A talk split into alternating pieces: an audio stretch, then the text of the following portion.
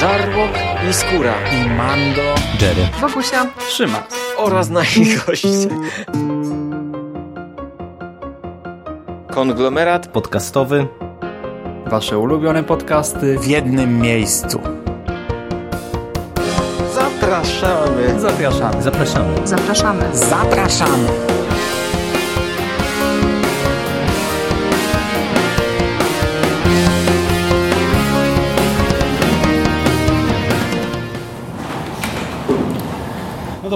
Zaczniemy powoli.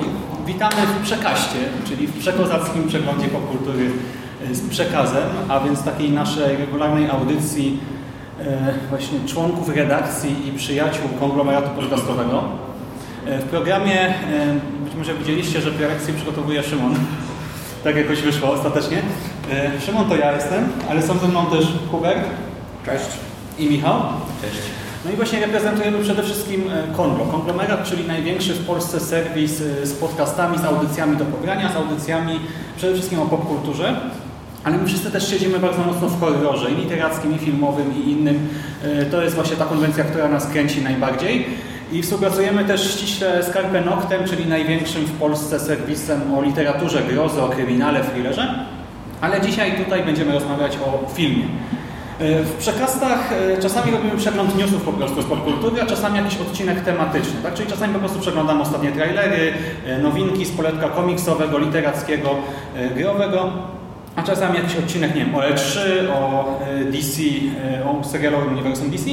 No i chcieliśmy też zrobić taki odcinek o horrorze tym współczesnym, bo jest kilka rzeczy, które nas strasznie wkurzają e, w recepcji, w publicystyce na temat horroru. No uznaliśmy, że skoro jest teraz konwent, to możemy zamiast po prostu nagrania gdzieś tam w domu, w kuchni, w garderobie, w przedpokoju, w trzech miejscach w kraju, po prostu pogadać o tym na żywo. No i właśnie punktem wyjścia dla nas E, Ale może jeszcze nim zaczniemy, w ogóle oglądacie horrory filmowe? Ale to znaczy, że oglądacie nie wiem, jeden rocznie, czy trafiacie do kina też na premiery, oglądacie, nie wiem, filmów rocznie właśnie z 50 horrorów, czy coś, jak to wygląda? Próbujemy chodzić, tylko czasami e, jesteśmy zniesmaczeni tym, co faktycznie wychodzi w kinach i no, chęci odchodzą, żeby... Ale to repertuarem, czy ludźmi, czy tym? Czy ewentualnie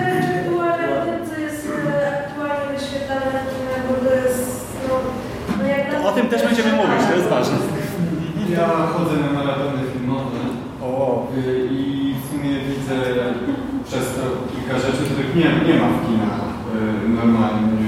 Teraz przed taki film, y, jest to taki science fiction. Teraz przypomnę sobie tytuł, on chyba ostatni piątek w zeszłym tygodniu wchodził.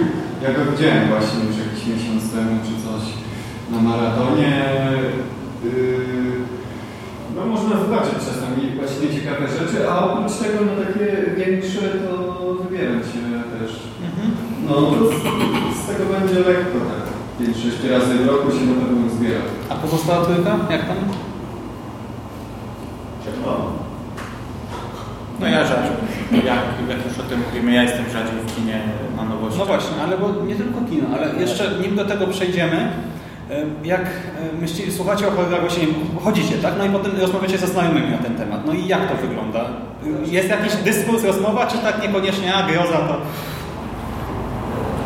Ja ostatnio sobie takie wrażenie, jako jak obejrzeliśmy film, że po prostu jest no obecnie kino robione dla swojego odbiorców, to jest po prostu wszystkiego. Jest po prostu film, filmu przygodowego, trochę filmu grozy, science fiction, jakiegoś takiego komedii, wszystkiego. To już nie jest ten film grozy, który po prostu pamiętam na przykład z lat 90 albo 80 może troszkę sobie tego, że jak byłem mniejszy, to bardziej się bałem takich rzeczy, ja teraz to już trochę człowiek jest odpowiedzialny, ale takie to są wrażenia, właśnie takiego, że y, filmu Zakonnica, na którym ostatnio mówiliśmy, z tego uniwersum.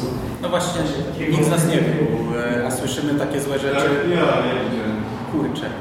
No, no, ponoć ogólnie skupili się, e, dużo, dużo się skupili na scenografii, tak? Bardzo Faktycznie ładnie. scenografia była warta obejrzenia, ale sam klimat tego filmu, no to po prostu on nie miał klimatu. Znaczy, bo zakonnica jest w uniwersum, przez to zostało prowadzone. Na maratonie. Ale ona jest w uniwersum, ale tak jak uniwersum stara się nawiązywać...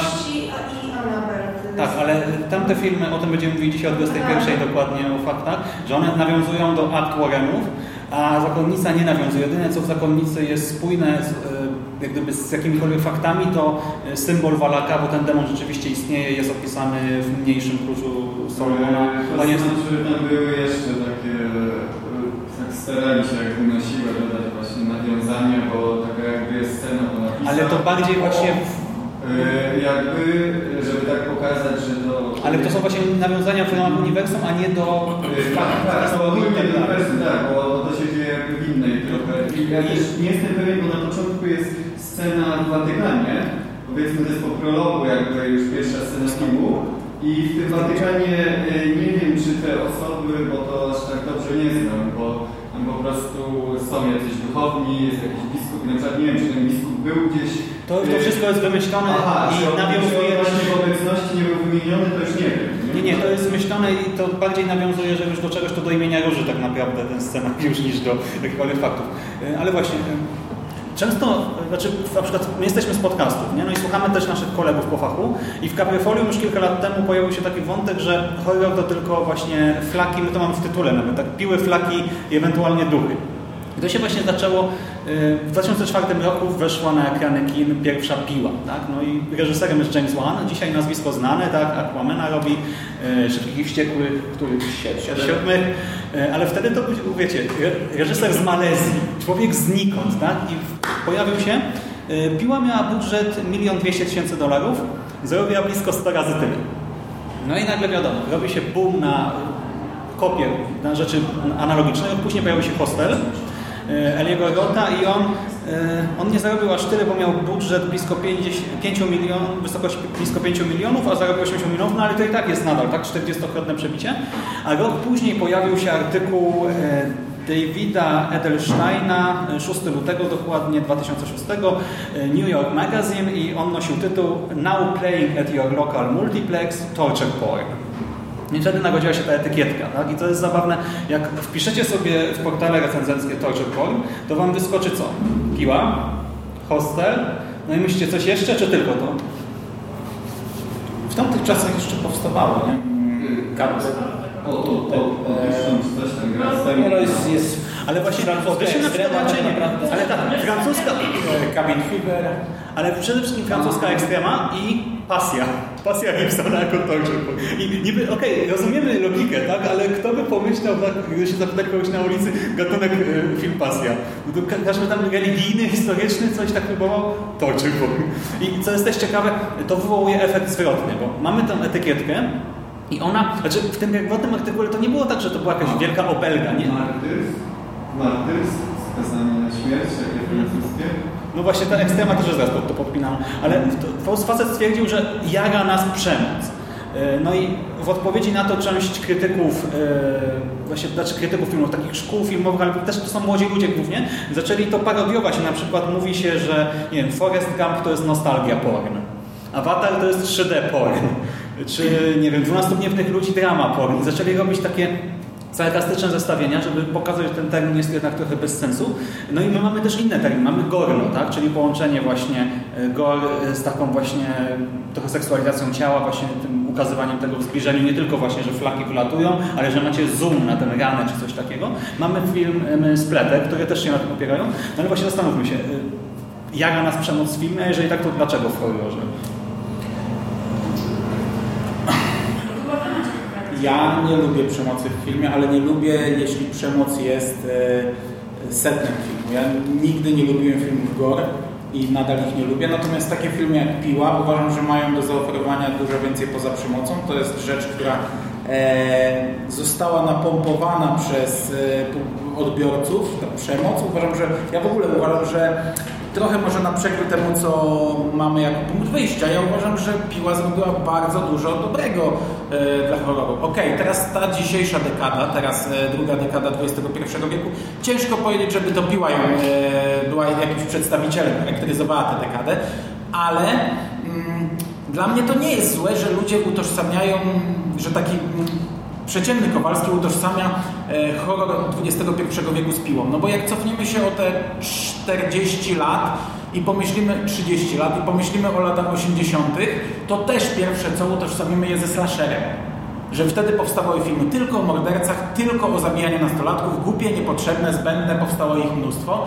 E, A to jest przecież e, bzdura. No, oczywiście.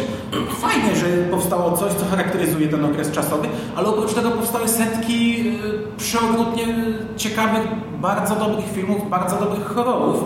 I, i również z tamtymi latami jest tak jak z Piłą. Piła przecież nie była pierwszym torczem I tak samo no, Piątek... roz- Rozmawialiśmy o No, tym, tak samo tak Piątek- naprawdę dużo wcześniej były cała ta fala remake'ów, chociażby właśnie tego klasycznego gore z lat 70., czyli teksańska masakra, piłą mechaniczną, wzgórza mają oczy e, i tak dalej, i tak dalej. Tych- Te, te filmy tak naprawdę cała ta fala się zaczęła wcześniej, natomiast one nie odniosły dużego komercyjnego sukcesu, no bo jednak e, patrząc z punktu widzenia odbioru takiego masowego, e, tego, który się gdzieś tam zahacza już o, o ten mainstream, można powiedzieć, i czy jest dostrzegane przez mainstream, no to niestety trzeba sobie jasno powiedzieć, że to jest często postrzegane przez pryzmat tylko i wyłącznie kasy. Dlatego piła, która zarobiła tak potężne pieniądze yy, i zyskała dzięki temu też całe rzesze naśladowców, yy, stała się jakby pewnym synonimem tego okresu. Tak samo było wcześniej z yy, found footage, gdzie Blair Project, które było zrobione z budżetem za catering, tak naprawdę zarobiło gdzieś koło pewnie 300 milionów i wywołało całą tą falę długą, przecież trwającą w kinie grozy przez nie wiem, prawie 20 to w lat. kinie grozy, w Ale ogóle, właśnie- a w ogóle definiującą kino. No ale tak samo było w latach 80. E, Piątek 13, Halloween to nie były pierwsze slashery. Wcześniej bardzo dużo eksperymentowano też z tym gatunkiem. Okej, no to były filmy, które może się jakoś szalenie nie wybiły, które zostanie, zostały docenione po dekadach, ale to właśnie Piątek 13 jest jakąś tam wizytówką e, tamtego okresu i ja się bardzo cieszę, że Piła jest taką wizytówką. Bardzo się cieszę, że przyszło mi żyć w czasach, gdzie znów e, mm, powstał tasiemiec kolorowy, bo ja bardzo lubię coś takiego. Uważam, że to jest e, taki przedstawiciel tego gatunku, tasiemiec. Taki, tych, takich tasiemców mieliśmy dużo, że e, bardzo się cieszę, że miałem okazję śledzić to na żywo. Natomiast uważam, że Piła akurat e, wniosła inne gorsze rzeczy. Bo kiedyś czytałem taką recenzję, tam był taki fajny cytat, nie wiem czy to jest cytat kogoś e, mądrego i znanego, ale bardzo mi się podobał, że e, średnio raz na 10 lat powstaje utwór, który, na którym przez kolejne 10 lat wszyscy się wzorują. I akurat to nie przemoc w Pile była najgorsza, tylko sposób kręcenia, bo to był bardzo charakterystyczny film, który potem wpłynął mocno na kino, czyli szybki montaż, szybki, szarpany montaż, plus e, to takie nietypowe zakończenie. Przecież sam One przez jakiś czas się na tym jeszcze przez chwilę, chociaż kręcąc Dead Silence. E, Dead Silence jest przecież końcówkę to jakbyś z piły wyciągnął, jest tak samo zrobione. Zawsze ta muzyka, powtórzenie scen charakterystycznych, potem zaczął kręcić co innego. E, także... e. Tak, ale tak zaczęliśmy od tego postrzegania kina grozy, bo nam, z naszej perspektywy to trochę wygląda tak, że niestety mamy łatkę kina grozy jako kina e, niewartego uwagi szeroko, w jakimś szerokim main- mainstreamowym ujęciu. Właśnie, jest bo ja to, co wspomnieliście. rzeczy. Słuchałem podcastu Capryfolium i tam właśnie twórcy rozmawiali o horrorach i nagle padło zdanie, że teraz się kręci tylko piły. No co w ogóle jest bzdurną tezą, tak? Ale było widać, że jedyne co do nich dociera tak właśnie z trailerów, no to kolejne element, kolejne właśnie sequele piły, a do tego my wiemy, że pierwsza piła wcale nie była właśnie torture porn, tak? Tam nawet, co jest ciekawe, bo pe- pewnie jak nie oglądaliście świadomie, tylko tam kiedyś raz, jeden raz w kinie, no to tego nie zauważyliście, ale One i Lan- One L nie mieli pieniędzy i tam przemocy praktycznie nie ma na ekranie. Jak nie wiem, mamy to oranie przyjaciela nożem, to widzimy tylko nóż, który le leci w górę i w, w dół, tak? W ogóle cała przemoc jest poza kadrem. Jako takich morderstw. Tak. Aha, odcina na nogę nie ma. Jedyne co tam było pokazane, to jak już były e, karantynowane, czy tego Tak. Faceta w rekrucie kolczastym, tak? Tak jak mówicie, nie było pokazane tego ucinania nóg. Właśnie to No, oni nie jest po pierwsze nie pokazywali przemocy, po drugie właśnie wprowadzili to, o czym powiedziałem, czyli ten szarpany montaż. Nie mieli jak tego pokazać, więc robili to na zasadzie szybkich cięć, które potem niestety się zakorzeniły w kinie. To mnie bardziej I to był właśnie crime thriller tak naprawdę, a nie horror torture porn, ale przez to, że kolejne filmy widząc, że publika się jara pułapkami i bardzo epatowały w trailerach, w zwiastunach, no to dużo osób nawet nie oglądających horrorów, nawet krytycy właśnie, na co się napotykamy, jak nagrywamy podcasty i e, wchodzimy recenzje różne, e, takie nawet wartościowych teoretycznie krytyków, których cenimy, no to czasem się okazuje, że oni właśnie też dostają tylko te bodźce. No jeszcze to jest jeden problem, że horror jest beznadziejny. A drugi problem? Drugi problem jakby jest związany z tym, że właśnie mamy z jednej strony kino to mainstreamowe, no bo jednak trzeba sobie jasno powiedzieć, że nie wiem, jeżeli pójdziemy do multiplexu, no to jeżeli tam jest wyświetlany horror w takiej szerokiej dystrybucji, nie mamy na myśli tutaj chociażby maratonów, które przemycają różnego rodzaju kino, nie zawsze dobre, ale to jest jakby jeszcze inna dyskusja. E, tak, ale właśnie próbują jakby przemycić jakieś filmy takie spoza e, tego mainstreamu amerykańskiego, e, no to mamy z drugiej strony właśnie te takie głośne filmy w ostatnich latach, jak chociażby, nie wiem, Obecności, które też ustawiły jakby swoją popularnością i tym, że każda obecność zarobiła po ponad 300 milionów, ustawiły jakby to, że mamy znowu falę naśladownictwa, jeżeli chodzi i o styl, z, który jakby wielu reżyserów próbuje przejąć od Jamesa Wana i o też takie kino, jakie się kręci, czyli znowu mamy więcej tych różnego rodzaju ghost story, znowu mamy więcej filmów na faktach, ale jeden i drugi problem jakby wiąże się z tym, że w takim mainstreamowym myśleniu o kinie grozy często ludzie mają takie podejście, że to nie jest wartościowe kino, że nie ma nic do zaoferowania, negując wręcz też na przykład coś, co jeżeli ktoś ogląda horrory, to też jakby to wyczuwa, że tak w zasadzie jak przy każdym kinie gatunkowym, że kino gatunkowe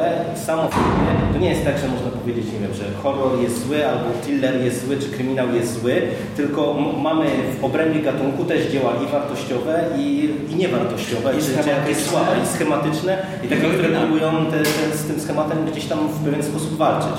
No i gdy my właśnie czytamy te recenzje, to często natrafiamy na opinię, że nie wiem, to nie jest, znaczy ten film jest dobry, więc nie nastawiajcie się na horror, tak? W recenzji horroru tak? Kino w konwencji, gatunkowe, no nie da się go Czasem to, to są też słynne wszystkie e, hasła pokroju, e, nie wiem, kina grozy albo kina e, operującego atmosferą. Ale kino grozy jeszcze jest jako horror. Ale, ale wiesz, ale... Realizm magiczny, tak jak w literaturze, nie? To nie jest horror, to jest realizm magiczny, nie? Albo to jest właśnie e, jakaś tam opowieść niesamowita, żeby nie powiedzieć właśnie horror, no bo wtedy od razu nie, nie znajdziemy wydawcy czy niby odbiorcy. Ale w tych recenzjach to jest jeszcze o tyle zabawne, że to dochodzi do pewnego absurdu. I tak niedawno mieliśmy taką dyskusję u nas na fanpage'u. Nie, to było na grupie, e, sądzą też konglomerat kulturalny. Tak, tak. E, gdzie ktoś powołał się na termin post-horror. No i ja się z nim zatknąłem wcześniej, ale jakoś też musiałem sobie to odświeżyć. Post-horror to jest termin e, świeży stosunkowo z 2017 roku. Pojawił się w artykule Steve'a Rose'a w Guardianie i Rose napisał coś takiego. Nic dziwnego, że niektórzy filmowcy zaczynają kwestionować to, co dzieje się, gdy wyłączymy latarnię. Co wydarzy się, gdy wyjdziemy poza żelazne konwencje i odejdziemy w ciemność? Może znajdziemy coś jeszcze straszniejszego. Może też, yy, możemy też znaleźć coś, co wcale nie straszy. Pojawia się tutaj jednak nowy podgatunek. Post-horror. Słyszycie, jaki to jest no, bullshit? Wychodzimy, jak gdyby eksperymentujemy z konwencją, tak? No bo to o to tutaj chodzi, tak? Czyli to, co robi właśnie się w konwencji. W Polsce mamy takiego badacza Krzysztofa może on jest Loska albo Łoska, zawsze mi się to myli. I on mówi, że właśnie całe kino gatunkowe to jest powtórzenie z różnicą, tak? Czyli mamy te schematy, wykorzystujemy je, no ale dodajemy coś od siebie, żeby ta historia była ciekawa. No i na tym się opiera właśnie między innymi horror. A tutaj facet twierdzi, że jak właśnie mamy jakikolwiek eksperyment w filmie cokolwiek ciekawego, bo to jest post-horror, coś ponad. No, do tego on to nazywa nowym podgatunkiem, co jest bzdurą, bo wyobraźcie sobie takie drzewka, no, tak? Fantastyka, horror, post-horror. No, A tak naprawdę się sprowadza to trochę do tego, że y, widać jak mainstreamowi recenzenci, którzy zaczynają dostrzegać to, że jednak y, horror y, obecnie, horrorów się produkuje w tej chwili obecnie bardzo dużo. Y, jest filmów jakościowych, dobrych, wartościowych dużo I, i, też jakby powstaje, powstają takie filmy nie tylko w Stanach Zjednoczonych, ale mamy kino europejskie, kino z Nowej Zelandii czy Australii itd., tak itd. Tak I widać, że to jest taki termin, który próbuje właśnie jakby zlegitymizować to, że taki poważny recenzent opisuje horror, no bo jak opisze horror jako horror, no to to jest trochę traktowane pewnie jako ujma, no bo nie można się zachwycać kinem gatunkowym jako kinem gatunkowym, więc mamy post-horror, czyli w domyśle coś, co jest ambitne, co jest e, na czego... Tak, coś nowego, coś... Musi być alegorią tak, albo kinem zaangażowanym. To jest też ostatnio dosyć zabawne, ale do tego przejdziemy też za jakiś czas. No dobra, no to już widzicie nasze założenia, tak? Czyli jednak z tą grozą nie jest tak źle. No i teraz może przejdźmy przez te zjawiska e, w grozie z ostatnich lat. No i na początek właśnie ten fenomen duchów, no i to co Obecności, doprowadziło tak. do Musimy, musimy o tym opowiedzieć, no bo to przy skali e, właśnie i, i popularności i tego, co się dzieje, no to jest, można powiedzieć, coś e, w obecnej kinematografii, jeżeli chodzi o horror, istotnego i ważnego. Mhm, oby mamy właśnie One, tak właśnie, gdyby nie piła, nie byłoby zakonnicy ostatnio, tak to już jest coś ciekawego, więc nie byłoby tego pierwszego uniwersum, ale właśnie najpierw mamy pierwszą obecność pierwszego naznaczonego, no i dwa wielkie hity, jakby nie patrzeć, nie? Ale to są, to są różne filmy, nie? To nie jest... Tak, no jak, jak różne są to filmy, najlepszy dowód jest na to, że ja naznaczonego nie lubię, a obecność bardzo lubię. E, I uważam, że to jest naprawdę e, bardzo dobry film w swojej konwencji, mimo że on teoretycznie e, nie operuje jakimś nowatorskim podejściem jakby do, do gatunku, to i tak zdecydowanie wybija się ponad przeciętność, jeżeli chodzi o to, co, co One robi, w przeciwieństwie do samego naznaczonego, który mimo wszystko na przykład w mojej opinii jest kinem dużo prostszym i dużo bardziej skupionym na jumpscarach, na epatowaniu, nie wiem, głośną muzyką i, i takim typowym straszeniem powiedziałbym. Ja uważam, że akurat naznaczony, pomimo tego, że to są dobre horrory, ale to jest y, horror, z którym ja miałem gigantyczny problem właśnie przez to, że on epatuje bardzo mocno jumpscarami i to opiera się, opiera się bardzo. Ja pamiętam, jak pierwszą część włączyłem, miałem wtedy, y, dopiero co urodziła mi się córka, była y, malutka, położyliśmy ją w pokoju obok, drzwi otwarte, żeby wiesz, słyszeć i to po prostu była masakra, nie? Tego, tego filmu się nie da oglądać, on jest tak, bo cisza, cisza, no to trochę podgłośnie, bo nie słyszę co mówią. Cisza, cisza. Nie? I Biegałem dziecko bu- usypiać kilka razy i w końcu mówię w cholerę z tym filmem, nie? I, I niestety tak jest cały naznaczony. Tam są rzeczy, na których można naprawdę narobić w portki ze strachu. E, Ostatnio robiłem właśnie serię Watch trzech pierwszych części i zarówno w dwójce, jak i w trójce jest jeden, w każdej części jest jeden taki jumpscare, że naprawdę można, można zejść na zawał. Teraz oglądałem czwórkę, która uważam, że jest słaba e, w porównaniu z tymi trzema pierwszymi. Ma naprawdę niewiele jak dla mnie do zaoferowania. Też jest jeden jumpscare, gdzie, gdzie się wydarłem w domu, ale właśnie naznaczony opiera się tylko na tym. A uważam, że obecność to jest dla mnie horror niemalże doskonały. Ja naprawdę jestem e, mega fanem e, pierwszej obecności, drugiej też, ale druga już jedzie jumpscarami mocniej, a pierwsza, tam One zrobił coś fenomenalnego, bo właśnie pierwsza obecność nie opiera się moim zdaniem na jumpscarach, tylko na podprowadzaniu Ja, ja nie mogłem na samym początku zrozumieć, co w tym jest takiego, że ja jestem cały czas zdenerwowany. Ja ten film oglądałem kadrowanie, na takim mega napięciu i e, oglądałem go dwa razy. Włączyłem sobie normalnie w dzień. Dzieci mi biegały e, jasno, ja sobie leżałem wyżej i oglądałem i po prostu byłem, byłem przerażony. Byłem e, cały, cały czas czułem napięcie, bo One zrobił tam coś takiego, że cały czas nas podprowadzał do jumpscare'a, my cały czas czekaliśmy na ten jumpscare, a on go nie robił. Tam przez chyba pół filmu nie ma tego, tego bach, tego spuszczenia powietrza, które e, byłoby potrzebne i moim zdaniem to działa rewelacyjnie. Tam już naprawdę widziałem drzwi, ściany, cokolwiek i, i się bałem, nie? Dwójce już trochę pojechał inaczej, bo w dwójce już jest więcej jumpscare'ów i jest... Ale, ale z Dwójka też jest mega straszna. Ale z oglądałem w nocy i poważnie musiałem sobie zrobić przerwę, żeby pogadać ze znajomymi, bo myślałem, że odjadę. Ale na się rano- właśnie pod, pod kątem jakości tych filmów to najlepiej świadczy to, że ja uważam, że dwójka, mimo że bardziej operuje jumpscarami, to ona też jakby pogrywa sobie z pewnymi schematami i z konwencją jakby horroru takiego właśnie o nawiedzonym miejscu. Bo jednak przez to, że mamy chociażby to zwolnienie w drugim akcie, e, całą, całą tą ucieczkę Warrenów na przykład z Enfield, czy ucieczkę, wycofanie się i tak dalej, i tak to tutaj naprawdę jest widać, że jakby i konstrukcyjnie, i od strony przedstawienia, i od tej strony stricte filmowej, bo to też jest coś, co jest często niedoceniane, w, jak się patrzy w takich e, recenzjach, można powiedzieć, mainstreamowych, no to to, że jakby sam, sama taka robota filmowa, która, nie wiem, w filmach e, głównego nurtu jest chwalone, że mamy, nie wiem, ładne zdjęcia, dobrą robotę operatora, dźwiękowców i tak dalej, to e, w kinie gatunkowym bardzo często jest machnięcie na to ręką, no bo, no bo w zasadzie co w tym wielkiego, a obecności też pokazują, że właśnie e, dobra robota operatora, umiejętne kadrowanie, umiejętny sposób e, prezentowania e, konkretnych scen i konkretnych ujęć, on będzie powodował, że my jako widz będziemy po prostu jeszcze bardziej siedzieli jak na szpilkach. I to, co ty mówisz, że na przykład w pierwszej obecności mamy te długie podprowadzenia e, pod jumpscary, których nie ma na przykład, to bez e, dobrej pracy kamery i bez pomysłowego zaprojektowania tych scen, czy nawet statycznych ujęć, bo tam są takie momenty, kiedy, nie wiem, my widzimy cały ten pokój na przykład e, i, i tylko sposobem kadrowania. Skupiasz się na szafie, Tak, tak, że właśnie przez, przez to, że na przykład mamy staty- statyczne ujęcie, gdzie kamera, nie wiem, skupia się na szafie, skupia się na lustrze na przykład, to my się spodziewamy, że tam zaraz coś będzie, no bo przecież jeżeli nam operator nam to sugeruje, to tam musi coś być. I, i One na przykład jako e, twórca świadomy, on świetnie sobie potrafi igrać właśnie z takimi oczekiwaniami, no bo każdy z nas ogląda trochę tych horrorów i już nawet podświadomie ma jakby poczucie takie, że jeżeli coś nam jest zaprezentowane w ten sposób, to coś w tym musi być. I, i przełamanie jakby tego schematu właśnie, nie wiem, y, ten jumpscare nawet z innego, z, z, w inny sposób zaprezentowany, al, albo właśnie, nie wiem, przełamany ten schemat, że tu go nie ma, wykorzystujemy go w innym miejscu, to już jest pewien znak jakości tych filmów. I co do tych elementów charakterystycznych jeszcze w naznaczonym na przykład muzyka, tak? Tiptoes for the Tulips. Tiny Jima, ta melodyjka, która się pojawia. Potem w coraz większej ilości filmów zaczynało pojawiać się jeden utwór charakterystyczny, który albo był metaforą czegoś, albo właśnie był powiązany jakoś ze zjawiskiem nadprzyrodzonym. I te, no się zgadzam, że jumpscary są y, dość natrętne w naznaczonych, ale ja, ja zawsze skaczę na wszystkich tego Ale wiesz co, w naznaczonych I- nawet jak pojawia się tytuł, to on się nie pojawia normalnie, tylko jest taki... Ale ja idę na tym też.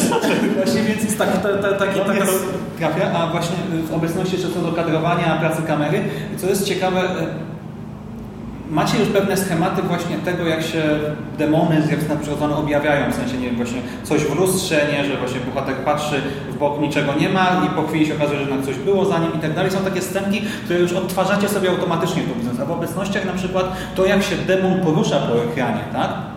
Często, że właśnie nie leci w przód na bohatera, tylko że przechodzi gdzieś w bok i to też pod takim niezłym kątem. To jest coś, na co się nie zwróci uwagi przy pierwszym seansie. Po prostu, że albo się przestrasza, albo akurat spojrzy gdzieś, nie wiem, na kolegę, koleżankę, czy na swój popcorn, nie zwróci uwagi. Ale to też jest fakt świadczący o tym, jak świadomie działa One i to też potem na przykład w dziedzictwie ostatnio, tak? to trochę inne kadrowanie bohaterów i demonów, y, też wybrzmiewa, jakby nie patrzeć. I w ogóle, to jak jesteśmy właśnie przy takich technikaliach, to jakby też e, myślę, że warte jest podkreślenia e, bardzo mocno to, że właśnie ta sprawność realizacyjna to jest też wartość. Bo nie wiem na przykład, czy mieliście okazję e, obejrzeć e, film e, Słudzy Diabła, e, Pengabi Satan, który był prezentowany w ramach e, Fest, Fest Macabre. E, To jest indonezyjski horror, który właśnie bardzo e, mocno e, jakby wykorzystuje ten sposób e, filmowania, który zaprezentował nam e, One w obecnościach. E, Natomiast właśnie przez e, te, ten sposób prowadzenia kamery i budowania tych poszczególnych sekwencji, e, to wypada momentami fenomenalnie. Tam jest po prostu jedna taka scena, gdzie autentycznie, jak ja byłem na tym pokazie kinowym, to jak w ostatnich latach byłem na wielu filmach, na wielu horrorach w kinie, w zasadzie nie zdarzyła mi się sytuacja taka, żeby ludzie krzyczeli na przykład na sali. Nie wiem, były takie sytuacje, że nieraz, wiecie, jest śmieszkowanie na początku filmu i tak dalej, później sala trochę przycicha, coś takiego było właśnie w dziedzictwie, przy dziedzictwie na przykład, że tam ludzie trochę sobie śmieszkowali, jak na przykład było te takie e, charakterystycznie kląknięcia takiej tej dziewczynki, ludzie sobie z, zaczynali się z tego nabijać, po czym... Naśladowali ten dźwięk. Tak, ale, ale im dalej w seans, jak im bardziej to napięcie jakby było e, stopniowane w górę tak naprawdę, to tym sala milkła. Ale na przykład w, w tym przypadku w, na, na tych sługach szatana to było autentycznie tak, że w paru miejscach to po prostu sala, ludzie się darli normalnie tak, że coś niesamowitego, a to było Teoretycznie wiecie, to są proste jakieś zabiegi, proste jakieś jumpscary, ale zrobione w tak fenomenalny sposób, że naprawdę to patrząc jakby na cały worek tego kina gatunkowego, no to właśnie tak mądre i tak dobre wykorzystanie tego rodzaju tych schematów, no to też jest coś, co zasługuje na uwagę. A to jest ten film, co babcia na początku umiera? Tak, tak, tak, tak, tak. To też maraton. No. tak.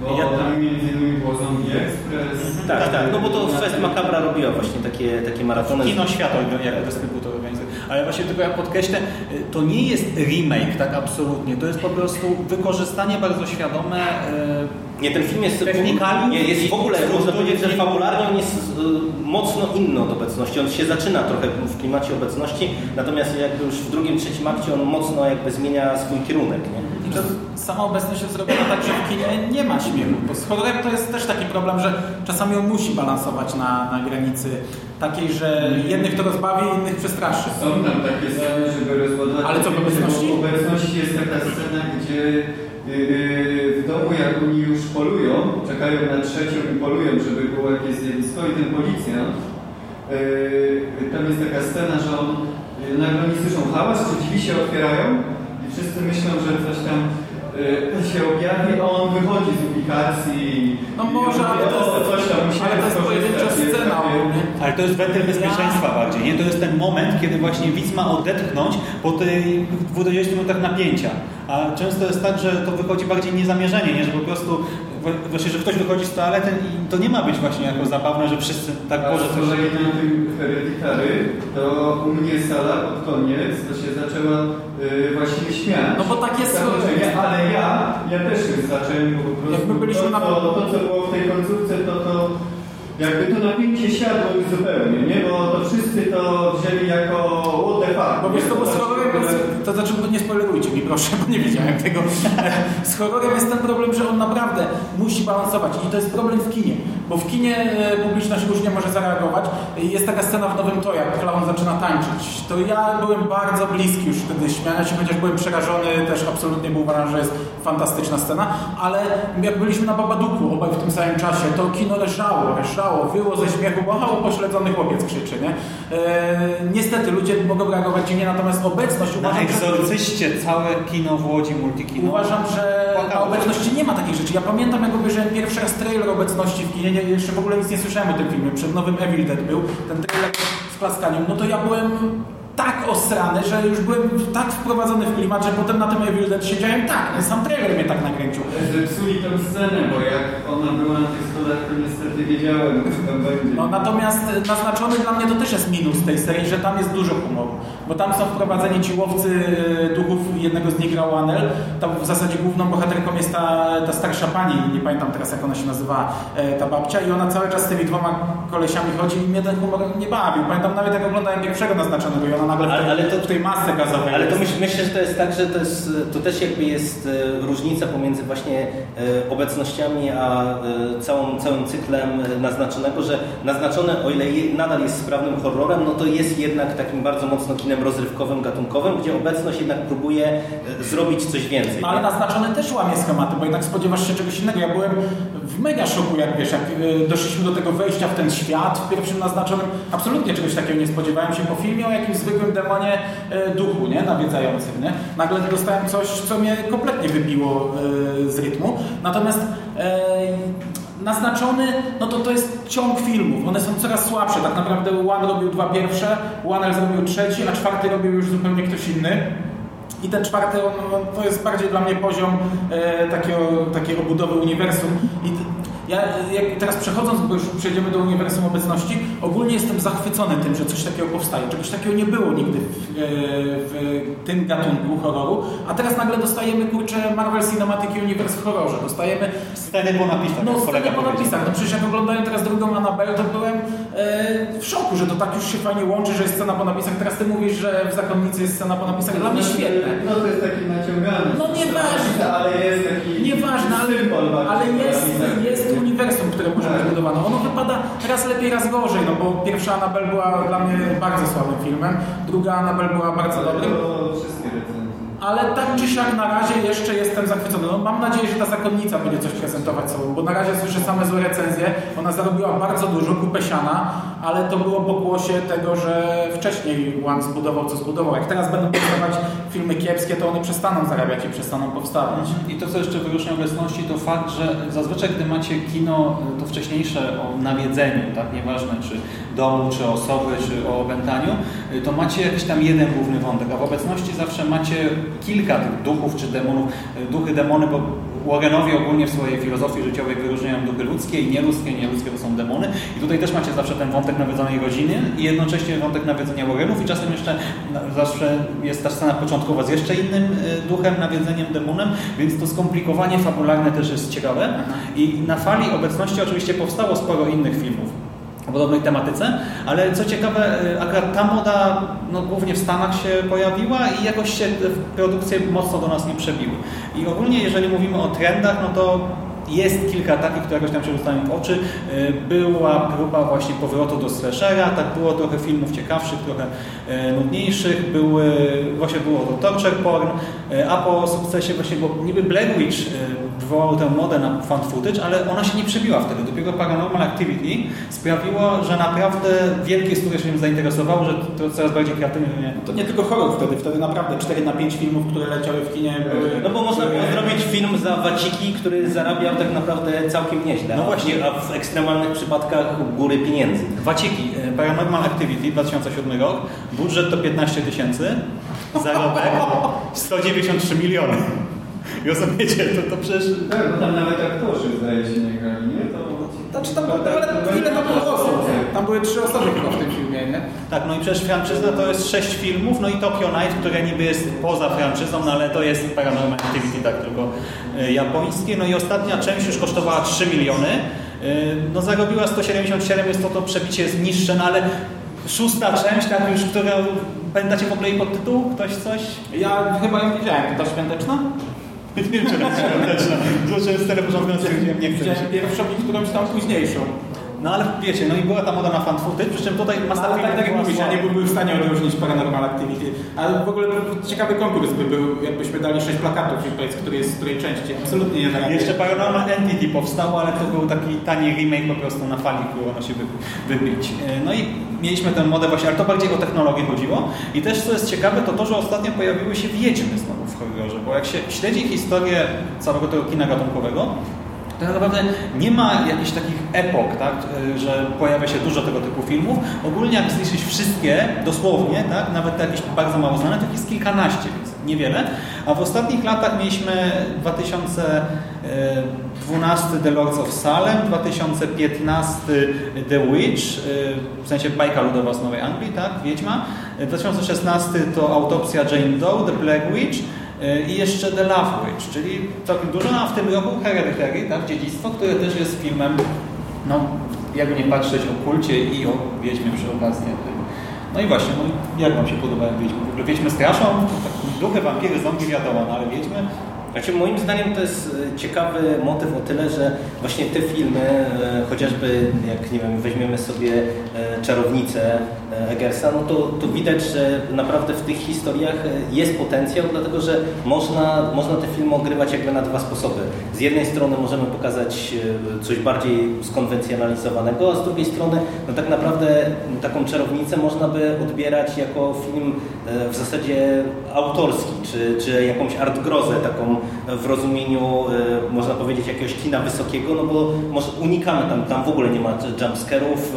E, Cała historia równie dobrze jak kino gatunkowe można, mogłaby być wpisana e, w dramat psychologiczny, mo, może poza końcówką, która już idzie w kierunku bardziej dosłownym, ale tak naprawdę jeżeli śledzimy, widzimy cały ten film, to przez jego większo, większość to możemy sobie dywagować w ogóle, na ile tutaj mamy do czynienia z czymś nadnaturalnym, na ile nie. Na przykład dla mnie e, taki motyw, e, który jest wykorzystywany właśnie jeżeli chodzi o Wiedźmę, to ze względu na to, że często mamy już w dzisiejszych czasach coś takiego, że jednak e, ta, ta nadnaturalność, ona jest przez ludzi trochę strywializowana, nie? No bo to jednak, nie wiem, społeczeństwo się nam laicyzuje cały czas, coraz trudniej nam jest, nie wiem, uwierzyć właśnie w jakiegoś ducha, demona, które jednak są często skon- skonotowane w pewien sposób z religią, natomiast e, ta magia, która przez lata trochę była zepchnięta jakby na ten dalszy plan, no jednak właśnie te filmy, które te- teraz e, dostajemy, pokazuje, że kiedy wziąć ten motyw teoretycznie ograny, motyw, który się e,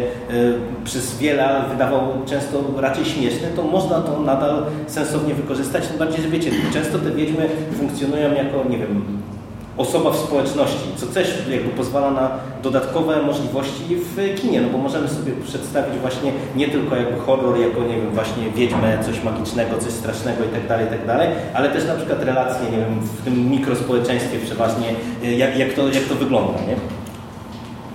No ja nie jestem fanem e, aż takim wiedźm. Tak jak filmy o duchach to jest, to jest coś, co naprawdę lubię. Tak e, z wiedźm, z tego co wymieniłeś, ja widziałem połowę może, ale też e, no, to co widziałem to były takie trudne filmy, nietypowe, no bo The Witch ja, jest, ja uważam, że to jest świetny film, e, ale mm, on jest zrobiony tak, że opinie są tylko skrajne, nie ma pomiędzy, jest albo naprawdę dno, albo rewelacja. E, Trzeba się złapać w ten klimat. Ja na przykład uważam, że Black Witch Project, tego nowego nie widziałem, ale ten pierwszy, ja nie lubię tego filmu. On, jest, on jest przeokrutnie nudny. okej, wiele osób mówi, że, że ma klimat niesamowity, że, że Jezu, jakie to straszne. Jak dochodzimy do tej końcówki, okej, ona jest straszna, ale ja się przemęczyłem półtorej godziny patrząc na ruchome krzaki i gluty z nosa i, i, i nie trzeba za nim. Ja doceniam ten film, wszystko co on zrobił dla, e, dla tego nurtu, to, to, to jak odważny jest dla nawet nie tylko gatunku, a dla całej, całego worka filmów, kina, dla, dla, dla, zrobił rzecz niesamowitą, także ogólnie to jest film, który ja stawiam gdzieś tam na, na, na piedestale, ale nie za to, co przekazał, co przedstawił nam fabularnie. Natomiast dokładnie te same opinie słyszę na przykład o, nie wiem, o właśnie tym dziedzictwie Hereditary. To też jest film, który albo e, ludzie kochają, albo, albo nie lubią, al- albo, albo kompletnie. No, wydaje mi się, że nie wiem, no to, to chyba nie są filmy dla mnie. Mnie na przykład rozczarował i, i czegoś innego się jakby spodziewałem. Poczytałem zachwyty tak nad tym. że- Ale dokładnie to samo było patrz The Witch. The Witch był reklamowany jako najlepszy horror ostatnich w ogóle dekady No, ale, nie, no, ale umówmy się, że, że teraz każdy horror, który się gdzieś przy, przybije do mainstreamu jest tym No, ale, najlepszym horrorem. ale, to jest, ostatnich ale, nie, ale to 25 jest w sumie też nietypowa sytuacja, bo my ch chcieliśmy też tutaj, za chwilę do tego przejdziemy, że yy, wiesz, jak wszyscy chwalą ciche miejsce, to, to wszyscy chwalą ciche miejsce. No takie mamy czasy, że jak wcześniej coś jest chwalone, to już wszyscy jadą i, i chwalą. Jak coś jest nielubiane, to jest przegrane na starcie. Już, już, już ludzie skreślają to jeszcze przed premierą. A tu mamy nietypowe sytuacje, bo jednak wchodzi coś, co jest reklamowane jako, jako, jako taka petarda, że w ogóle pójdziesz i sportek wylecisz i wcale nie ma takiego. Ale wiesz, to moim- Jednak moim- ludzie przy moim tak skrajnych filmach Moim zdaniem to jest też kwestia tego, że na przykład takie filmy jak Hereditary e, czy The Witch to są filmy na tyle autorskie e, i na tyle nietypowe, że jakby one muszą podzielić widzów. No umówmy się, że jeżeli ktoś robi film e, gdzieś tam taki, powiedziałbym, w tym głównym nurcie, no to jakby jest logiczne, że on dotrze łatwiej do szerszego grona odbiorców. Hereditary e, mimo wszystko jest na tyle nietypowym filmem i ma tak dużo tego autorskiego podejścia, w tylu miejscach łamie konwencje, łamie przyzwyczajenia, e, jakby wykorzystuje inne motywy, wykorzystuje pewne sekwencje, które są budowane w sposób taki, że my oczekujemy pewnych rozwiązań, które nagle są złamane. E, Do tego jeszcze mamy ten dosyć wyraźny podział na te dwa akty, gdzie z jedny, w pierwszym akcie mamy nieco inny klimat, inaczej budowane napięcie, skupienie na psychologii, w drugim akcie idziemy w kierunku zupełnie innego horroru. No i mnie to zupełnie nie dziwi jako odbiorcy horrorów, że to się może ludziom nie podobać. Mnie na przykład dziedzictwo się szalenie spodobało właśnie dlatego, że mieliśmy e, bardzo mądre wykorzystanie teoretycznie dwóch nieprzystających się e, do siebie konwencji, bo ja, i mi się podobała ta pierwsza, ta bardziej psychologiczna e, strona tego filmu i później, kiedy nagle to nam wszystko eksploduje w twarz, to ja nie miałem takiego poczucia, e, że, że e, nagle, nie wiem, coś się dzieje kampowego, czy, czy że to jest nagle jakieś zaskoczenie, ale takie negatywne, tylko ja po chwili, oczywiście jest w pierwszym momencie takie co tu się w zasadzie wyrabia i człowiek zbiera szczękę z podłogi i w zasadzie nie wiadomo jak zareagować, ale kiedy nagle zaczynamy sobie analizować ten film, to okazuje się, że twórcy, scenarzy- scenarzysta bardzo mądrze i bardzo konsekwentnie buduje napięcie i dopro- próbuje nas doprowadzić do tego, co widzimy w finale. I to nie jest tak naprawdę mm, jakieś takie rozwiązanie wzięte z tyłka, taki twist filmowy, jak wiecie, od 20-25 lat często się spotykamy z czymś takim w kinie, że mamy twist, który ma tylko i wyłącznie nagle wyskoczyć na sam koniec filmu, żebyśmy zebrali szczękę z podłogi, a na ile to jest umocowane w tym świecie przedstawionym, na ile to jest logiczne, na ile to jest podbudowane, to już tam wyjdziecie z kina z opadem szczęki i już jakby twórcy są zadowoleni, bo widz został zaskoczony, nie? Znaczy ja nie będę w to wchodził głębiej, my nagraliśmy o dziedzictwie chyba godzinną audycję, w której analizujemy też całą symbolikę spoilerową, znaczy jest część bezspoilerowa z opinią i spoilerowa właśnie analiza całości, to jak ktoś jest zainteresowany, to nam odsyłam. Ja tylko zwrócę uwagę na to, że właśnie pojawia się ta moda, tak? No, ale jak mamy te filmy o nawiązaniach, to są często tanie kopie obecności, tak? Po prostu robione przez tań, jakieś tam mniejsze studyjka, coś takiego. Jak mamy te wiedźmy nagle, które się pojawiają, zwróćcie uwagę na to, jak te filmy są zróżnicowane. Mamy nie wiem, to Black Witch, no, The Black Witch Project o tych legendach opowiemy o 21 dzisiaj. Teraz tylko zwracam uwagę, że to jest właśnie kontynuacja tego fan footage, która cały czas trochę udaje, że to wszystko to jest prawda, tak? Bo tutaj e, brat Hedek bodajże, tak? James udaje się do lasu na poszukiwanie e, po latach, więc to niby jest taka bezpośrednia kontynuacja tej e, prawdziwej historii. Mamy The Love Witch, czyli film, który od strony formalnej przypomina właśnie coś, co powstało w latach 50., 60., a do tego jest jak gdyby, znaczy jest horrorem, ale jest też komedią romantyczną. Nie? No i w ogóle coś z zupełnie innej półki. E, Macie autopsję Jane Doe, e, czyli właśnie taki no jakby, jakby to ująć, paranormalne... E, Kryminał można powiedzieć wręcz, bo to jest tak, trochę ale budowana też, jako zagadka taka. Jak w domu ktoś kogoś prześladuje, napada jak... Home invasion. Jakby trochę paranormalne home invasion, w sensie oni są zamknięci w tej małej przestrzeni. Tak Ale trochę- to film? Autopsja Jane Doe. I do tego ta wiedźma jest taka poza czasem i przestrzenią, tak? To jest po prostu jakaś mm, przepotężna istota.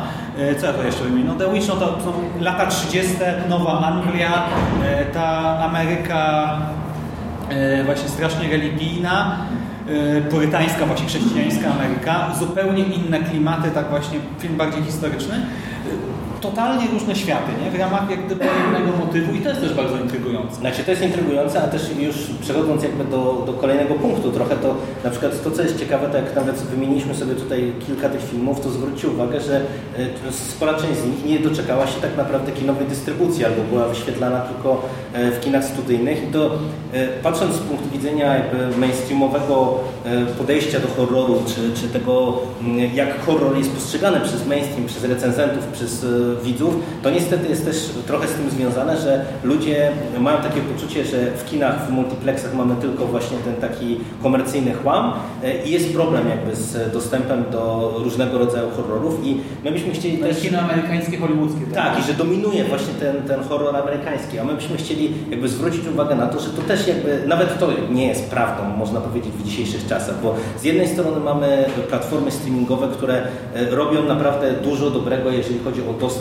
do różnego rodzaju kina grozy, bo jak się wejdzie, nie wiem, chociażby w Netflix, to już pomijając nawet ich produkcje te autorskie i tam na razie nie chcielibyśmy dyskutować na, na, na temat jakości tych filmów, ale raz, że oni sami inwestują w te swoje filmy z gatunku horroru, ale też jak się spojrzy na to, że oni mają nie wiem, w swojej ofercie Creepa 1-2 na przykład, czyli takie no filmy naprawdę mocno Bardzo niszowe. bardzo niszowe. I, i jak się tam przejrzy ten e, ich portfel, to naprawdę tam jest sporo niszowego horroru, m, ale z jednej strony właśnie mamy te, te platformy streamingowe, tak, no tu zaraz Szymas będzie mówił o Splat Film Fest, gdzie właśnie na platformach streamingowych można znaleźć te najlepsze filmy festiwalowe, e, które tak naprawdę nie, nie mają w ogóle życia w szerszej świadomości, dlatego że e, często nie wiemy, że można je tam znaleźć. No, my sami żeśmy się zaskoczyli na przykład. Nie wiemy, to jest tak. To jest bardzo problematyczna kwestia, bo dużo osób mówi mi, że właśnie nie ma dobrych horrorów, że w, w telewizji leci chłam, że w kinie leci chłam. Co No nawet no z to telewizją nie jest prawdą. No, i, Co nawet z telewizją nie no jest to może właśnie telewizja, ostry piątek. Nie, no to, mówi się, że w telewizji nawet mamy tylko, tylko ten kłam. A- I patrząc z tego punktu widzenia, to y, parę lat wstecz y, telewizja Cinemax wprowadziła y, taki cykl y, Ostry Piątek, to się nazywało. Niestety już teraz y, tego nie ma. y, Gdzie oni prezentowali różnego rodzaju kino gatunkowe, nie tylko horror, ale skupiając się na horrorze.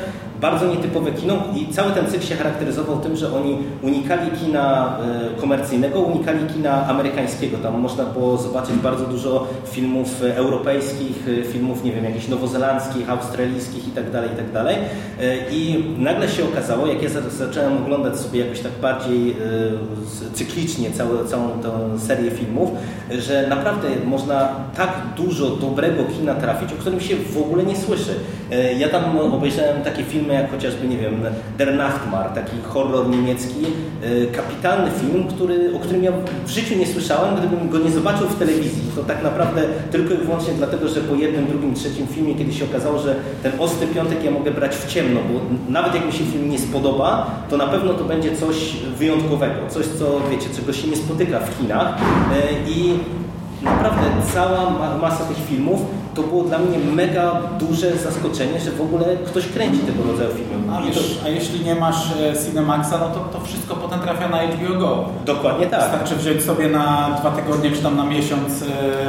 E, Nie wiem, z HBO Go to jest akurat problem, tam trzeba chyba na dłużej, ale tak czy siak, no HBO Go ma bardzo dobrą ofertę. A nie mówiąc o tym, że na przykład ten Cinemax, jeszcze wpadnę Ci w słowo, to e, robił o tyle też e, dobrą rzecz, że oni z jednej strony prezentowali dużo niszowych nowości, e, właśnie mówię z kina europejskiego, to na przykład, nie wiem, były austriackie Widzę, Widzę, był ten Bunkier. bunkier, niemiecki, e, był Der Nachtmar, e, obie części Wolf Creeka australijskiego, e, Housebound australijski, e, właśnie było te filmy australijskie, te o zombie, teraz mi tytuł wyleciał z głowy, zaraz, zaraz sobie przypomnę, tutaj najwyżej Wam powiem. Tego było naprawdę mnóstwo, a z drugiej strony oni jakby korzystając z okazji też pewnie, że ludzie już łapią się, że ten cykl jest dobry i go jakoś tam systematycznie oglądają, to oni też serwowali na przykład sporo takiej nieco zapomnianej klasyki. Serwowali dużo Argento na przykład i to nie, niekoniecznie jakby te jego najbardziej ikoniczne filmy, ale tam na przykład w Ostrym Piątku leciała opera Argento, e, e, można było zobaczyć fenomeny też i tak dalej, i tak dalej, gdzie wiecie, i, i to jest, to się mówi, to jest ta pogardzana telewizja, nie? I to pokazuje już też, że nawet z, te, z tego punktu widzenia to często my sami, bo to mówię, to nas nieraz zaskoczy, że można coś w telewizji zobaczyć, a co dopiero jakiś tam taki e, mainstreamowy recenzent, który siedzi i mu się wydaje, że horror to, to jest B i, i w zasadzie to nie, nie ma nic dobrego, bo w kinach mamy tylko klony obecności albo klony piły. A okay, no to telewizję mamy za sobą, platformy również, ale kino też ma do zaoferowania w ostatnich czasach sporo. Może nie e, to kino ogólnokrajowe, może nie te filmy, które są e, do szerszej dystrybucji, ale taka Fest Macabra, która jest organizowana na razie jeszcze rokrocznie, e, były dwie edycje, to jest fantastyczna rzecz, bo to można przecież samemu załatwić, żeby w Twoim mieście to zagrali. Tak naprawdę jak, jak tylko dogadasz się gdzieś tam z kinem, oni, oni są na to otwarci, oni czekają na zgłoszenia i te filmy będą puszczone u Ciebie w kinie. I to jest, y, to są y, rokrocznie bardzo dobre filmy. Ja nie widziałem wszystkich z Fest Macabry, ale te, które widziałem, to, to, to były całkiem y, ciekawe produkcje i w tym roku mieliśmy e, Szklaną Trumnę. Hiszpański o, film. Hiszpański bardzo, do, bardzo dobry film, Okręt Strachu. E, chiński. Akurat taki sobie, ale ale, ale dla samego pamiętam Cię, to jest e, islandzki no, chyba film. Cudzy Diabła to jest indonezyjski. E, Głosy ze ściany to jest chyba brytyjski, nie? Tak. nie? No i to, to już też pokazuje właśnie dobór, nie? że oni unikają takiego kina, wiecie, stricte amerykańskiego, a nawet jak w zeszłym, w tej pierwszej edycji, bo to, to dwa lata temu już, e, nie wiem, mieli... E, Zombie Express, Lament, Bodom, amerykański burger, atak krwiożerczych donatów, klątwa śpiącej królewnej, podnoszą... No i właśnie i w zasadzie, jeżeli chodzi o amerykańskie kino, to mieli atak krwiożerczych donatów. No to umówmy się, nie jest to film, którego się człowiek spodziewa w kinie, nie? A do tego, e, no tak jak mówię, to jest w całej Polsce.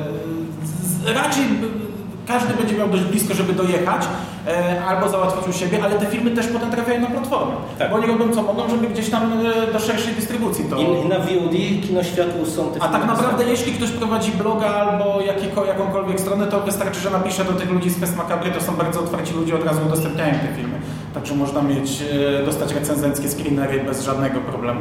I z Fest Macabry jest tylko jeden problem Mało osób ostatecznie trafia do kina i część seansów jest przez to odwoływana, ale to jest właśnie wina już po naszej stronie, gdyby, tak? To jest dostępne, można to sprowadzić do naszego miasta, tylko żeby potem załatwić te kilkanaście osób, które do tego kina pójdą i te bilety to, to się... Znaczy, Macabre w pierwszej edycji chyba tylko ze studyjnymi lokalnymi kinami współpracowała. E, w drugiej edycji poszła też do multiplexu w ramach właśnie maratonów, tak były wyświetlane też te filmy. Nie wszystkie, ale tam w zależności jak się tam e, tutaj Kino Świat dogadało z konkretnym multiplexem. E, tylko no, dobrze by było, żeby też widownia była troszkę szersza, żeby to się opłacało też kinom. No w studyjnych te bilety są, nie wiem, po 6 zł czy coś, bo to wiecie, stać nas na to wszystkich, to trzeba się zorganizować. E, co do właśnie jeszcze innych imprez, no, Fest Macabre jest taka nietypowa, tak ogólnopolska, właśnie może być w każdym kinie dosłownie, ale mamy też takie imprezy na miarę no naprawdę znaczy na skalę przeogromną i o sławie światowej wręcz. Przykładowo w Lublinie odbywa się Splat Film Fest. Organizuje go Monika Stolat, świetna dziewczyna i to jest przeogromny festiwal kina gatunkowego, też skupiony na horrorze. E, pierwsza edycja odbyła się w 2015, ja brałem udział tylko w tej ostatniej z 2017 trzeciej. E, ja nie będę mówił ile filmów widziałem, bo bym musiał 20 tytułów teraz podawać, ale to co było istotne, też bardzo zróżnicowany repertuar. Macie różne bloki jak What the Fuck, tam Girl Power, blok jakiś taki bardziej komediowy, blok właśnie bardziej związany ze zjawiskami nadprzyrodzonymi, paranormalnymi. Co istotne, e, tam się pojawiają filmy naprawdę premierowo i to są premiery czasem polskie, a czasem europejskie. Na przykład Maus, który teraz już trafił na Netflixa, jak już może powiedzieć, no odpalam Netflixa mam. Na tamtym etapie to była premiera europejska, rozumiecie? To byliśmy tam właśnie w 50 osób na sali i widzieliśmy ten film jako pierwszy w Europie oficjalnie, legalnie, zresztą nielegalnie też tego nie było. I to jest film, to genialny hiszpański horror o e, konflikcie w Bośni i Hercegowinie, właśnie o skutkach wojny w Bośni i Hercegowinie. Para właśnie, młoda para, zakochani, trafiają do lasu, wracają na lotnisko, do lasu, który jest zaminowany, psuje im się auto, no i są skazani na pomoc dwóch Serbów bodajże. Właśnie ona jest chyba Bośniaczką, on jest Niemcem, w ogóle Niemiec, tak, gramatyka wojenna, ale to wszystko jest tak genialnie wykoncypowane i ta metaforyka właśnie samego tego lasu chociażby zaminowanego. Ja Przepraszam, Wormwood. To jest ten film, o którym zapomniałem A. Australijski ząb. Obejrzałem ten film. Monika powiedziała, właśnie organizatorka, że jej zdaniem to jest najlepszy film całego festiwalu. Mnie się bardzo podobał. Tak, Maus, E, ale właśnie nie do końca jeszcze czułem całą właśnie metaforykę i dosłownie z miesiąc później jadę do pracy sobie na kursy prowadzę językowe na 7.30, jest 7 właśnie 15, siedzę w autobusie. Jak mnie olśniło, to musiałem do niej napisać od razu, bo po prostu byłem tak zachwycony tym, co można w tym odkryć. Splat oprócz tych e, takich e, nietypowych e, filmów, których nigdzie nie obejrzymy, miał też cały dział przecież z takimi klasycznymi produkcjami. Tak. I to też były rzeczy, które tam chyba było Lost Boys, Straceni Chłopcy chyba lecieli. Koszmar z. No, to są rzeczy, które to chcieliby. No to, to, to jest film telewizyjny, on nigdy nie leciał w kinie. E, A tutaj mo- można było sobie na wielkim ekranie obejrzeć. E, To były takie filmy, na które ja naprawdę aż mnie bolało, żeby musiał sobie pojechać, posiedzieć tam tydzień i obejrzeć je na wielkim ekranie. Czyli mamy właśnie jeszcze kultowe klasyki, mamy też retrospektywy specjalne, jak na przykład w tym w ubiegłym roku to była retrospektywa Żuławskiego, więc wiecie, też filmy dla widza trochę bardziej zaangażowanego, trochę bardziej ambitne kino, ale też zobaczyć coś takiego na, na wielkim ekranie, no to jest niesamowite przeżycie. Do tego mamy tam gości różnych. W ubiegłym roku to byli bracia Remzejowie, przy premierze właśnie ich nowego filmu między innymi. Y, No i no warto, warto do tego w tym roku, właśnie w tym roku w Lublinie się odbywa e, 26 listopada się zaczyna festiwal, kończy się 2 grudnia, więc słyszycie też no, cały tydzień po prostu codziennie długa, długa od impreza. 15 Trzeba sobie do długi urlop pierwszej w nocy. E, No ale nie trzeba, można sobie wybrać, tak na przykład pojechać na weekend i w poniedziałek czy coś, zobaczyć 15 filmów, wrócić. Ale co jest istotne, w tym roku też jest edycja skrócona, e, taki właśnie eksperyment trochę w Warszawie od si- 6 do 9 grudnia, więc wiecie, jak będziecie tu czy tam, no to absolutnie polecam tam skoczyć, ale oprócz, bo Splet to jest właśnie takie święto dla fanów horroru, tak? To jest po prostu nasza mekka, tam na kolanach powinniśmy chodzić co roku, ale są też inne festiwale, które jakoś tam mogą nas zaspokoić. Mamy Octopus Film Festival, to jest akurat nowa inicjatywa w tym roku. Dru, drugi rok z rzędu. Pierwsza chyba. Nie, w zeszłym roku to już była pierwsza edycja, druga edycja w tym roku. Okej, no to druga edycja e, odbyła się w Gdańsku w sierpniu tego roku. E, I w tym roku puszczano m.in. Revenge, Endless, e, The Room i Krystyna Czubówna czytała na żywo tekst, więc w ogóle też niesamowite. Było spotkanie z twórcą Krainy Grzybów z YouTube'a, więc też ciekawe. Upgrade na przykład tak naprawdę, który nie doczekał się polskiej dystrybucji, a który jest przecież bardzo chwalonym horrorem w tej chwili, e, jeżeli chodzi o, o to światowe kino grozy. Tak, mamy festiwal Pięć Smaków. E, To jest akurat e, azjatycki festiwal filmowy. Tak on się odbywa e, w tym roku 14-21 września w Warszawie i od 23 do 25 listopada będzie jak gdyby reedycja tak to samo odtworzone we Wrocławiu. E, I mamy jeszcze te inne festiwale, mamy Nowe Horyzonty, Atlantyk Synergia, no i niby to nie są festiwale gatunkowe, nie? W ogóle nawet niekoniecznie się kojarzą z takim kinem, ale przecież na, tak, na, na Synergii w ubiegłym roku był Dario Argento. Argento przyjechał do Łodzi. W ogóle jakby mi ktoś powiedział, że kiedykolwiek Dario Argento, tak, ten Dario Argento przyjedzie do Łodzi, że będzie można wziąć jego autograf na Suspiri, na przykład tej kioskowej, za 5 zł i na innych tych płytach, no to bym próbował się w głowie, żebym nie uwierzył, no a był. Stał przede mną, tak, podpisał 20 płyt. Świetna sprawa. E, W tym roku mieliśmy na Transatlantyku sekcję Kino nocą klaustrofobia, na Nowych Horyzontach sekcja Moiko nocne szaleństwo.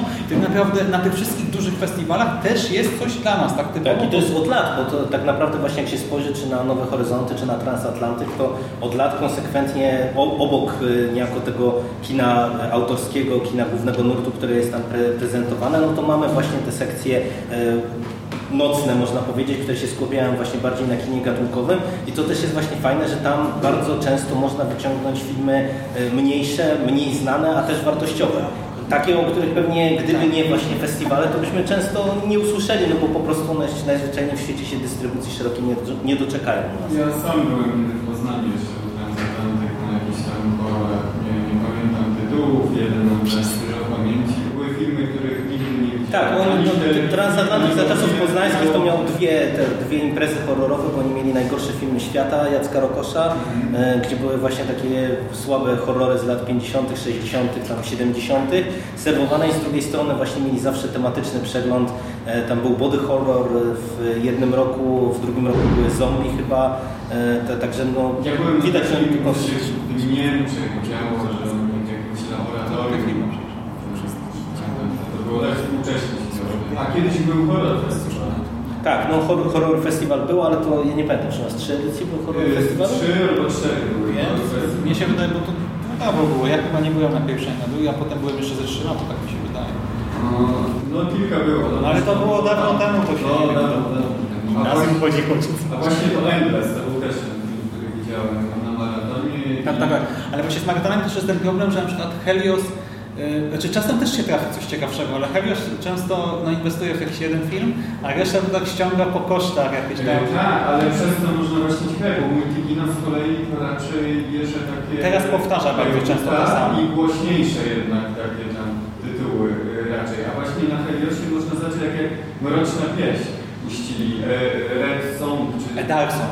A Darkson, tak. Dla mnie, ja byłem zachwycony tym filmem. Ja też poza ja sceną. ja siedziałem, byłem taki ciekawy, jak to się zakończy, do czego to dojdzie, ale i, i właśnie tam można pełno takich taki, albo złowem, nie? Na na przykład maratonach, na dużo jest takiej kupy jednak cały czas, nie? bo maratony horrorowe, e, pierwsze maratony horrorowe w Polsce to była sprawa karizmy, nie? czyli ty, dystrybutora kioskowego, który kiedyś wydawał kolekcję kinogrozy, kinogrozy ekstra i to były filmy za 5 do 12 zł, były to filmy w 90% nieoglądalne, widziałem wszystkie. E, i, I niestety e, oni, znaczy oni zapoczątkowali w ogóle fenomen maratonów horrorów w Polsce. To był okres, gdzie e, filmy w kinie były puszczane z DVD.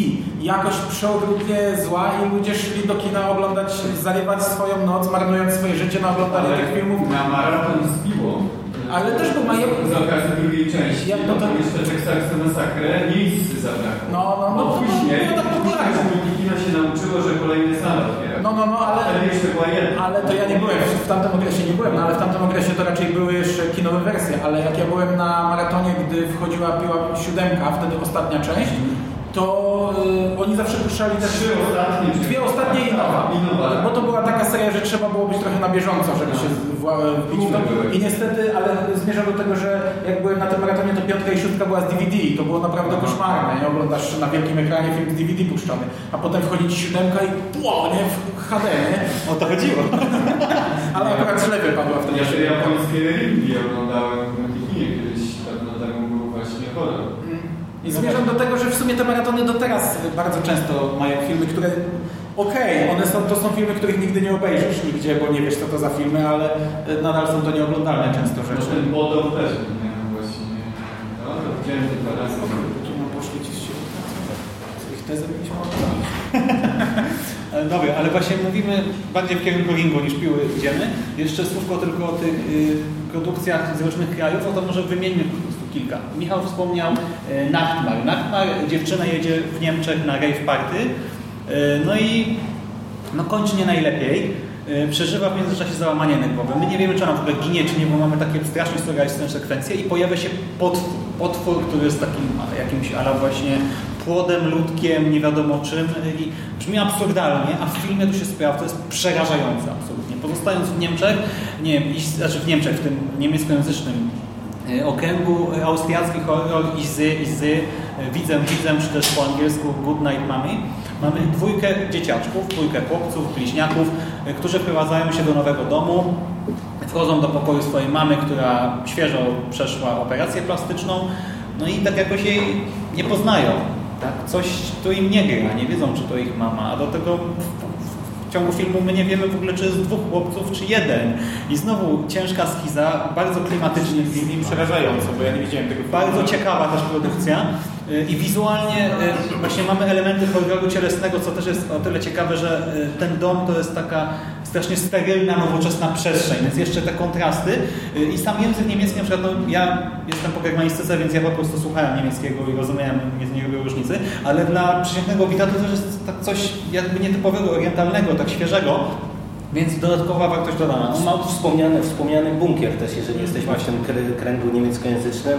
E, Taki miks e, jakiejś groteski z horrorem, e, gdzie nauczyciel, który, czy tam naukowiec, który pracuje nad swoją pracą bodajże doktorską, czy jakąś habilitacyjną, decyduje się wynająć pokój urodziny w takim tym tytułowym bunkrze. I już widać, że coś jest bardzo nie tak, bo oni mieszkają właśnie w bunkrze i w momencie, kiedy on przyjeżdża do tej rodziny, okazuje się, że e, jakby jedną z form zapłaty ma być nauka ich syna E, i syn wygląda mniej więcej tak jak ja, a jest ubrany jak sześciolatek, zachowuje się jak sześciolatek e, i rodzice go traktują jak sześciolatka, a to nie jest najdziwniejsza rzecz, która wychodzi na jaw po, tym jego przyjeździe do domu i, i znów mamy, wiecie, bardzo dziwne e, kino, które miesza przeróżne konwencje, właśnie groteskę, absurd, horror, body horror. Bardzo oryginalna, bardzo fajna rzecz. E, Szklana trumna, o której wspomnieliśmy, hiszpański film, e, który miał wady, którego my, myśmy o tym dyskutowali dość długo też w podcaście, ale który jest też ciekawy, nietypowy, bo e, większość akcji filmu się właśnie w limuzynie. Kobieta zostaje zamknięta w limuzynie i obserwujemy jakąś grę. To jest dość mocno wzorowana na pile też, tam czuć dużo z tego, z te, tego klimatu piły, ale jest to po pierwsze porusza e, ciekawy wątek, akurat teraz popularny, znaczy popularny, no, nagłośniony, czyli, e, czemu ja się śmieję z tego, czyli molestowania e, seksualnego. Do tego zaskakuje w pewnym sensie końcówką, która no, trochę jest może nie, mm, trochę nie, mm, tak nie pasuje do, do całego filmu, ale moim zdaniem taki jest film wart obejrzenia. Jak jesteśmy przy tym kinie hiszpańskim, no to ten Maus, o którym Ty wspomniałeś chociażby No, też. ale to już nie będę się powtarzał właśnie Zresztą- wielki konflikt w tle, ale jak mówimy o konflikcie w tle jeszcze, to mamy też Under the Shadow, które zresztą było, to miało premierę swoją e, na poprzednim jeszcze, dwa lata temu Splat Film Fest.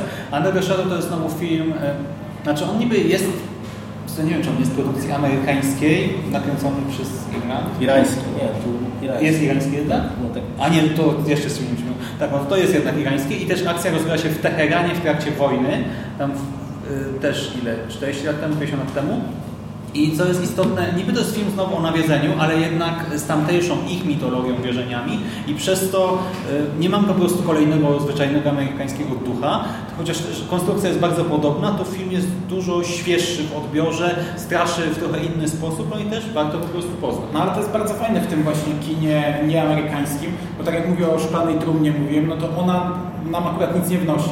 To równie dobrze mógł być film w zasadzie e, każdej narodowości, e, ale bardzo dużo filmów tych, które tutaj mamy na liście, e, są jakoś osadzone kulturowo w danym obszarze. Chociażby Cudzy Diabła, o których mówiliśmy, które, które były jakimś tam od, indonezyjską odpowiedzią na obecność, które bardzo dużo czerpały z tego kina, z tego nurtu wprowadzonego przez obecność, ale mimo wszystko pamiętam, jak my to oglądaliśmy, to wielokrotnie kurczę, się zastanawialiśmy, dlaczego ci bohaterzy się tak zachowują, a nie inaczej, a, a, a potem się okazywało, że no, taka jest u nich kultura, taka jest u nich e, tradycja. E, oni, pomimo tego, że mieszkają w nawiedzonym domu, nie pójdą spać tak jak, e, tak jak rodzina z Enfield e, w dwójce, nie, nie położą się wszyscy razem na podłodze, tylko każdy będzie szedł do swojego pokoju, tutaj córki, tutaj synowie, nie będą spali razem ze sobą na jednym materacu i, i, i takich, rzeczy, takich rzeczy jest mnóstwo. Ja, ja, ja bardzo lubię oglądać właśnie kino.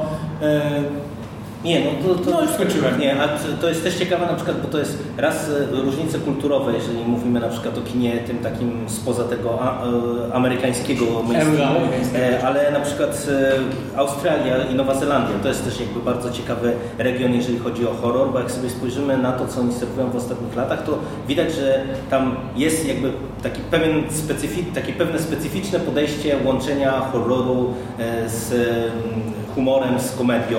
E, I to oczywiście możemy się cofnąć do Petera Jacksona i jego tych e, słynnych filmów pokroju Martwicy Mózgu, czy e, Bad Taste, czy później chociażby, nie wiem, Czarnej Owcy, ale widać, że właśnie ten sposób jakby kręcenia horrorów to jest coś typowego. Mamy Co robimy w ukryciu, które zawojowało i podbija serców i serca widzów, a dzięki temu, że reżyser wybił się trzecim torem, no to nagle zyskało drugie życie.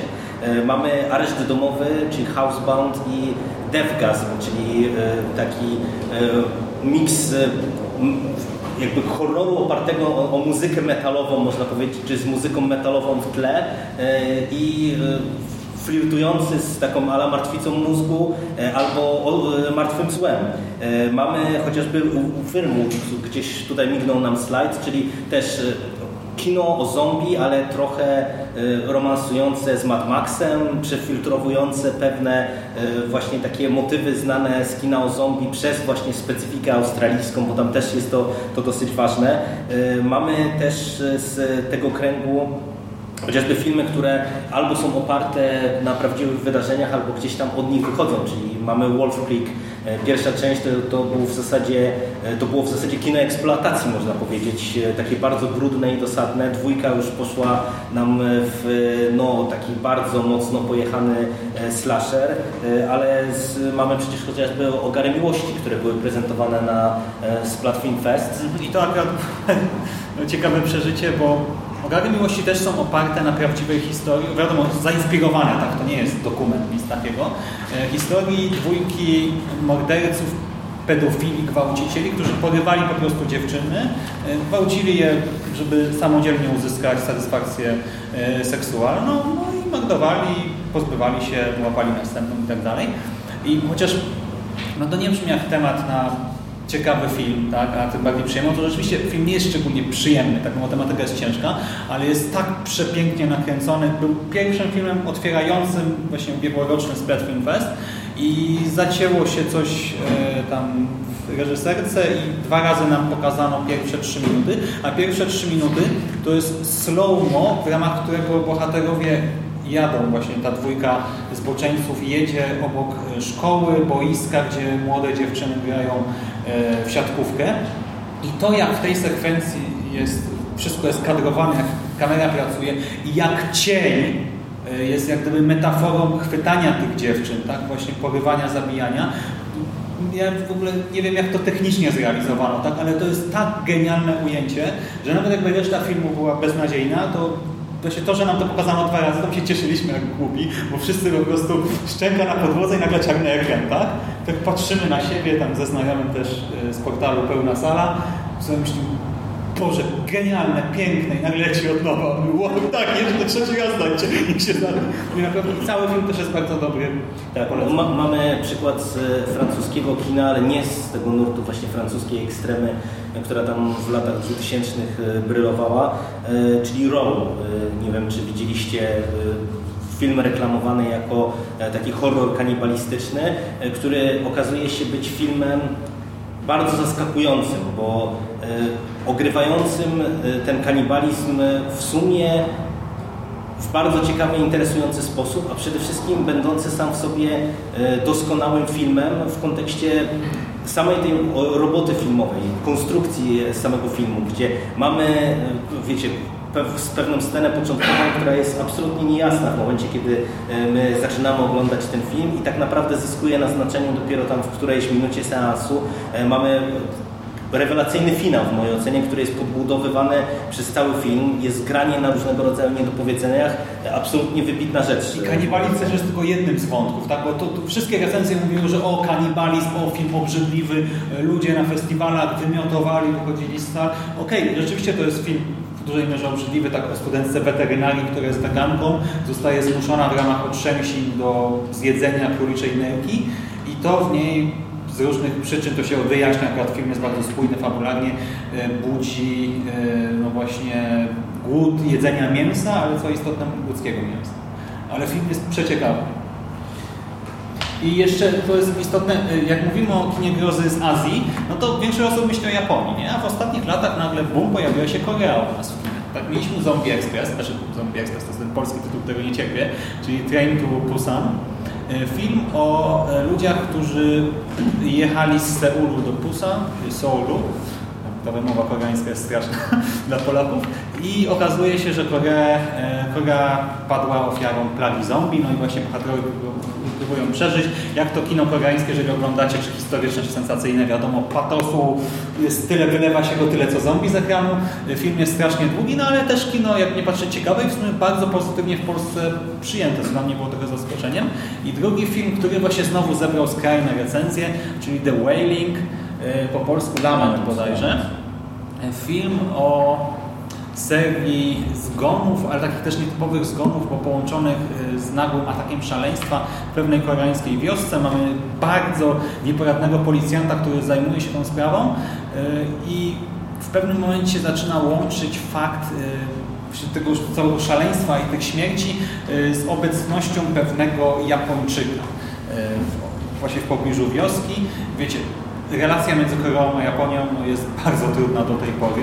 Właściwie tak naprawdę przez długi, długi czas no, te relacje były tak napięte, że głowa mała. E, do tego, co jest ciekawe tutaj, że ten film jest miksem absolutnym. Tam mamy totalny sled, facet, e, tam nie wiem, w dziesiątej minucie, w drugiej scenie ten policjant, on się jakoś spada ze schodów i to spada to właśnie przez dwie minuty, chyba się opija strasznie. Z drugiej strony mamy taki horror E, właśnie okultystyczny bardzo mocny, masę tych wierzeń, rytuałów. Jedna scena to jest master już chyba 10 minutów przedstawiający rytuał egzorcyzmu koreańskiego, więc też bardzo ciekawe kino, chociaż trudne w odbiorze. Umówmy się, że na to nie zabierzemy kolegów przypadkowych czy koleżanek, na zasadzie chodźmy sobie na filmik, bo wyjdą, tak? Ja, ja właśnie też na maratonie leciało, mi się przysnęło tym filmie, bo Ale też on był późno puszczany. Późno, właśnie tak, późno on powinien lecieć pierwszy, on był jako ostatni, no nieważne, bo jako ostatni to jest zły, się przysnęło, a, a końcówki no nie skumałem w końcu. Bo już nie pogubiłem się, kto tam w końcu był tym złym, i, i naprawdę nie no, chciałbym jeszcze raz to zobaczyć po prostu, ale już wcześniej. No to jest minus maratonu. Ja między innymi dlatego przestałem chodzić, bo też mi się bardzo często przysypiało na bardzo dobry film. No dobra, więc widzicie już, jest w czym... Jeszcze wtrącę, wcześniej film azjatyckich też wcześniej dawniej był, to był chyba tajlandzki, co Amerykanie potem zrobili. Shantek? Yy, tak, właśnie. Shantek. No, tak. Amerykanie to swego czasu przerobili wszystkie popularne amerykańskie. Tak, ale właśnie w pewnym momencie spadło, tak? Właśnie była Japonia, Japonia, Japonia, potem Shantek, zniknęło tego znaczy Ale, ale to, to, to, co jest istotne z tego punktu widzenia, to jest tak, jak właśnie też się kojarzy bardzo często tak, w takim mainstreamowym ujęciu, y, jak myślimy horror azjatycki, to widzimy te wszystkie demoniczne japońskie dziewczynki, a tak naprawdę właśnie ostatnie lata pokazują, że w tym kinie azjatyckim jest bardzo dużo też horrorów w różnych konwencjach. Ale wiesz co, wcześniej też tak było, tylko że to były filmy niedostępne. No jasne. Jak ktoś no, pogrzebał mocniej, to znajdował bardzo Oczywiście, oczywiście. oczywiście. Y, no i jeszcze... Ale fakt, że wylały się japońskie duchy, co ja byłem przeszczęśliwy, bo uwielbiam y, ten, ten podgatunek. I właśnie widzicie, jest w czym wybierać, jest ciekawie, e, no to wrócimy trochę do tej recenzji, tak? czyli do tej kwestii, czy istnieją dobre horrory z punktu widzenia publicystów. No i tutaj warto wspomnieć o Cichym Miejscu, które właśnie ostatnio wywołało taką falę pozytywnych, ultra pozytywnych recenzji. Ja nie wiem, czy ja sobie tego nie zapisałem. A, a nie spisałem sobie statystyk dokładnych, ja to w podcaście pamiętam podawałem, no to, to były naprawdę tam noty blisko 9 na 10 praktycznie we wszystkich agregatach, też Metacriticach, Rotten Tomatoes, etc. E, no i w sumie też był taki szał przy uciekaj, ale... Tak, no bo krytycy nagle zauważyli dwie rzeczy przy tych filmach. Raz, że nagle się okazało, szczególnie przy cichym miejscu, e, że horror zarabia, bo Ciche Miejsce zarobiło 50 milionów w, weekend otwarcia, co na kino gatunkowe, y, mimo wszystko niszowe, z niewielkim budżetem. jest, y, że tak powiem, no, dobrym wynikiem I, i nagle się jakby zakośnięto tym, że mamy horror, który zarabia z jednej strony, a z drugiej strony, zresztą tak samo było w przypadku Uciekaj, który teoretycznie czy teoretycznie, no to jest pole do, do większej dyskusji. No i, i, w praktyce, i, i, w teorii, ale z punktu widzenia tego mainstreamu oferuje coś innego niż właśnie to, o czym e, mówiliśmy na samym początku, czyli nie oferuje nam kolejnego ducha, nie oferuje nam kolejnego eksorcyzmu, nie oferuje nam kolejnego jakiegoś torture porn, tylko pokazuje nam horror jako konwencję nieco z odmiennego punktu widzenia. A czy przy uciekaniu było tak, że, że, to, że ten film był pomimo tego, że był horrorem, chodziło o rasizm i tak dalej? No, trochę tak. Trochę ja tak. uważam, że nie chcę, znaczy w sumie nie chciałbym tego tak a, a, aż mocno poruszać, ale wydaje mi się, że nie wiem, że, bo ja, dla mnie tak jak Ciche Miejsce jest filmem ok, Ja absolutnie nie padam na kolana, y, absolutnie nie zgadzam się z tym, że zrobiono pierwszy raz od lat coś, co w ogóle, Jezu, jak można było coś takiego zrobić, ale jest okej, ja się bawiłem dobrze, uważam, że to jest niezły film, że jest całkiem, całkiem nowatorski i, i, i fajny. Tak jak ta, tak Uciekaj, e, to był dla mnie film ciekawy, ale jest dla mnie zagadką w ogóle niepojętą rzeczą. Mam wrażenie, miałem wrażenie, że obudziłem się w jakimś innym uniwersum, za co ten film dostał Oscara. Za rasizm. Nie, znaczy w, według Ja, bym, ja wiem, ja nie chcę tak publicznie o tym mówić mocno, ale ja bym się wcale nie zdziwił, bo wiesz, mieliśmy dwa lata temu tę całą akcję, że Oscary są białe e, o, o, i od tej pory Oscara zdobył Moonlight i Uciekaj, nie? No, nie chcę iść w tę stronę, ale ten film naprawdę uciekaj. Pomimo tego, że jest dobrze zrealizowany, że jest całkiem ciekawym filmem, to on fabularnie jest prościutkim horrorkiem Nie, ostatecznie. jest, ale właśnie to, to nie, wiesz, to, to jest ciekawe. Ale konstrukcyjnie nie, bo fabuła, no tak jak ją sprowadzisz do y, trzech zdań, to to będzie to sama fabuła, co w Porze Mroku, w beznadziejnym, No. najgorszym polskim horrorze. Ale z drugiej strony, wiesz, tak, to jest przedstawione na ekranie, już jest ciekawe. W ogóle wszyscy chcieliście uciekać, czy nie? Tak? No ja wiem, ja mówię, że mi się... Ale Ja ogólnie ten, ten, scenariusz. Nie, nie, ale scenariusz w mojej ocenie właśnie, jeżeli chodzi o Uciekaj, y, jest faktycznie czymś ponadprzeciętnym, dlatego że mimo, że y, jakby tak jak Szymas powiedział, można to sprowadzić, y, jak, jak czasami się śmiejemy, jak próbujemy komuś streścić film i zawrzemy scenariusz Uciekaj w dwóch, trzech zdaniach, no to on brzmi trochę absurdalnie, czy trochę idiotycznie. Natomiast jakby to, co się tutaj fenomenalnie udało, to to, że ten scenariusz jest szalenie precyzyjny i z jednej strony sobie rewelacyjnie radzi z foreshadowingiem. Czyli wiecie, mamy bardzo dużo podprowadzenia umiejętnego pod konkretne rozwiązania, które my poznajemy dopiero w finale, z czym sobie twórcy w mojej opinii radzą różnie, bo, bo w, Zrobiło się to popularne, żeby grać z widzem e, w ostatnich latach w szczególności, no bo mówię, widzowie muszą być cały czas zaskakiwani i tak dalej, i tak dalej. E, Ale właśnie tutaj e, zrobiono to absolutnie rewelacyjnie, że w zasadzie nieraz proste rzeczy są nam zasygnalizowane na początku filmu, w środku filmu i gdzieś tam... Czy tu gdzieś nie uciekła myśl przewodnia, bo my chyba mieliśmy krytykować te dwa filmy. Nie, nie, nie, nie, nie, nie, nie, nie, mieli- nie mieliśmy ich krytykować. właśnie kontrast, bo nie, cho- chodzi jakby o to, że w, problem z, i, z, i z Uciekaj i z e, Cichym Miejscem jest taki, jest, to jest kwestia tego, że one jakby z punktu widzenia jakby fabularnego to są dosyć proste horrory. No ale ja, bo ja może mnie źle zrozumieliście. Ja nie twierdzę, że Uciekaj jest złym filmem i nie, właśnie mówię, że on jest realizatorsko bardzo fajny, ale mm, Nie rozumiem zachwytów recenzentów. nie rozumiem, no, ale, ale nie rozumiem dlaczego takie Uciekaj przebiło się do tak wysoko. Dlaczego? Ale- No przecież dostać Oscara za najlepszy film to wyżej się nie da przebić. Według mnie na przykład takie Ale It, nie dostał Oscar. E, za no ale tak czy siak, no dobra, no to e, Nie, dostał wiesz, to- to się- to się wiesz, sprowadza- Takie It Follows dla mnie jest tysiąc razy lepszym dużo lepsze, niż, zgadza się. Uciekaj. Powstało niedawno i, i Ale to jest, dlaczego nie, to to, to, jest, to jest w, moim, w mojej ocenie, to są różne kwestie, bo przy cichym miejscu według mnie zadziałał efekt tak naprawdę tylko i wyłącznie kasowy. W tym sensie, że ten film to jest kolejny film, który został zrobiony za nie wiem, śmieszne jakieś pieniądze, nie pamiętam jaki on miał budżet, ale, ale niski Y, i jeżeli film zarabia 50 milionów w weekend otwarcia, a zarobił, no jest drugim horrorem w tej chwili z No, ostatnich ale lat najlepiej, czyli zarobił Zakonnica ponad zarobiła 130 no milionów. ale, ale wiesz, ale ciche miejsce zarobiło więcej więcej obecności. miejscu, Nie, nie? zarobiła więcej niż e, obecności, a moim zdaniem to było związane z tym, że nagle właśnie mainstream e, docenił horror i stwierdził, że to jest coś innowacyjnego, co, przy czym na przykład my tutaj jakby się wszyscy nie do końca zgadzamy, że to jest właśnie coś ponadprzeciętnego, bo wiecie, Ciche Miejsce wypłynęło na tym, że jest filmem nietypowym, bo operuje dźwiękiem.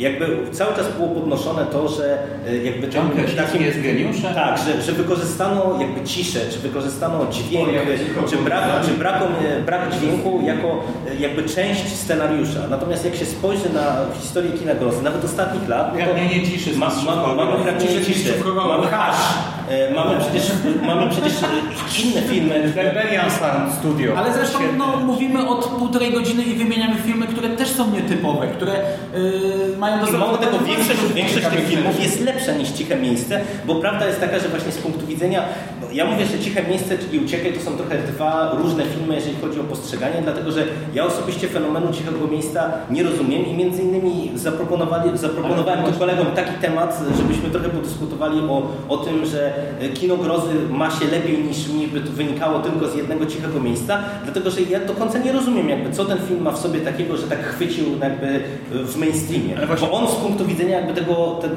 kina gatunkowego moim zdaniem on jest sprawnym monster movie, ale niewiele ponadto.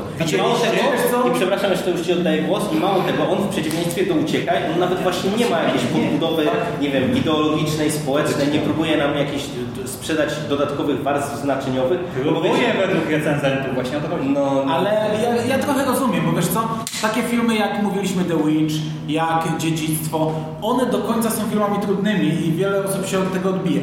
A Ciche Miejsce było filmem takim nietypowym do pewnego czasu, a potem jednak wyszła akcja, potem się zrobiło... no monster mówi, no prosto No i, i, I to dlatego e, ludzie poszli, dostali coś nietypowego, ale nie wynudzili się, nie zmęczyli się tym filmem, bo w pewnym momencie to ich pociągnęło gdzieś, także myślę, że e, mm, myślę, że dlatego. Ale właśnie wracając do recepty, ogląda się ciche miejsce też, tak? W cichym miejscu mamy post-apo, gdzie są potwory, które reagują na dźwięk, tak? I nie ma nic więcej. Ale co jest istotne, bo mówimy o tym, że Get Out y, wybiło się tym rasizmem na przykład. No pewnie tak, ale z drugiej strony dla mnie to jest najumiejętniej pokazany rasizm.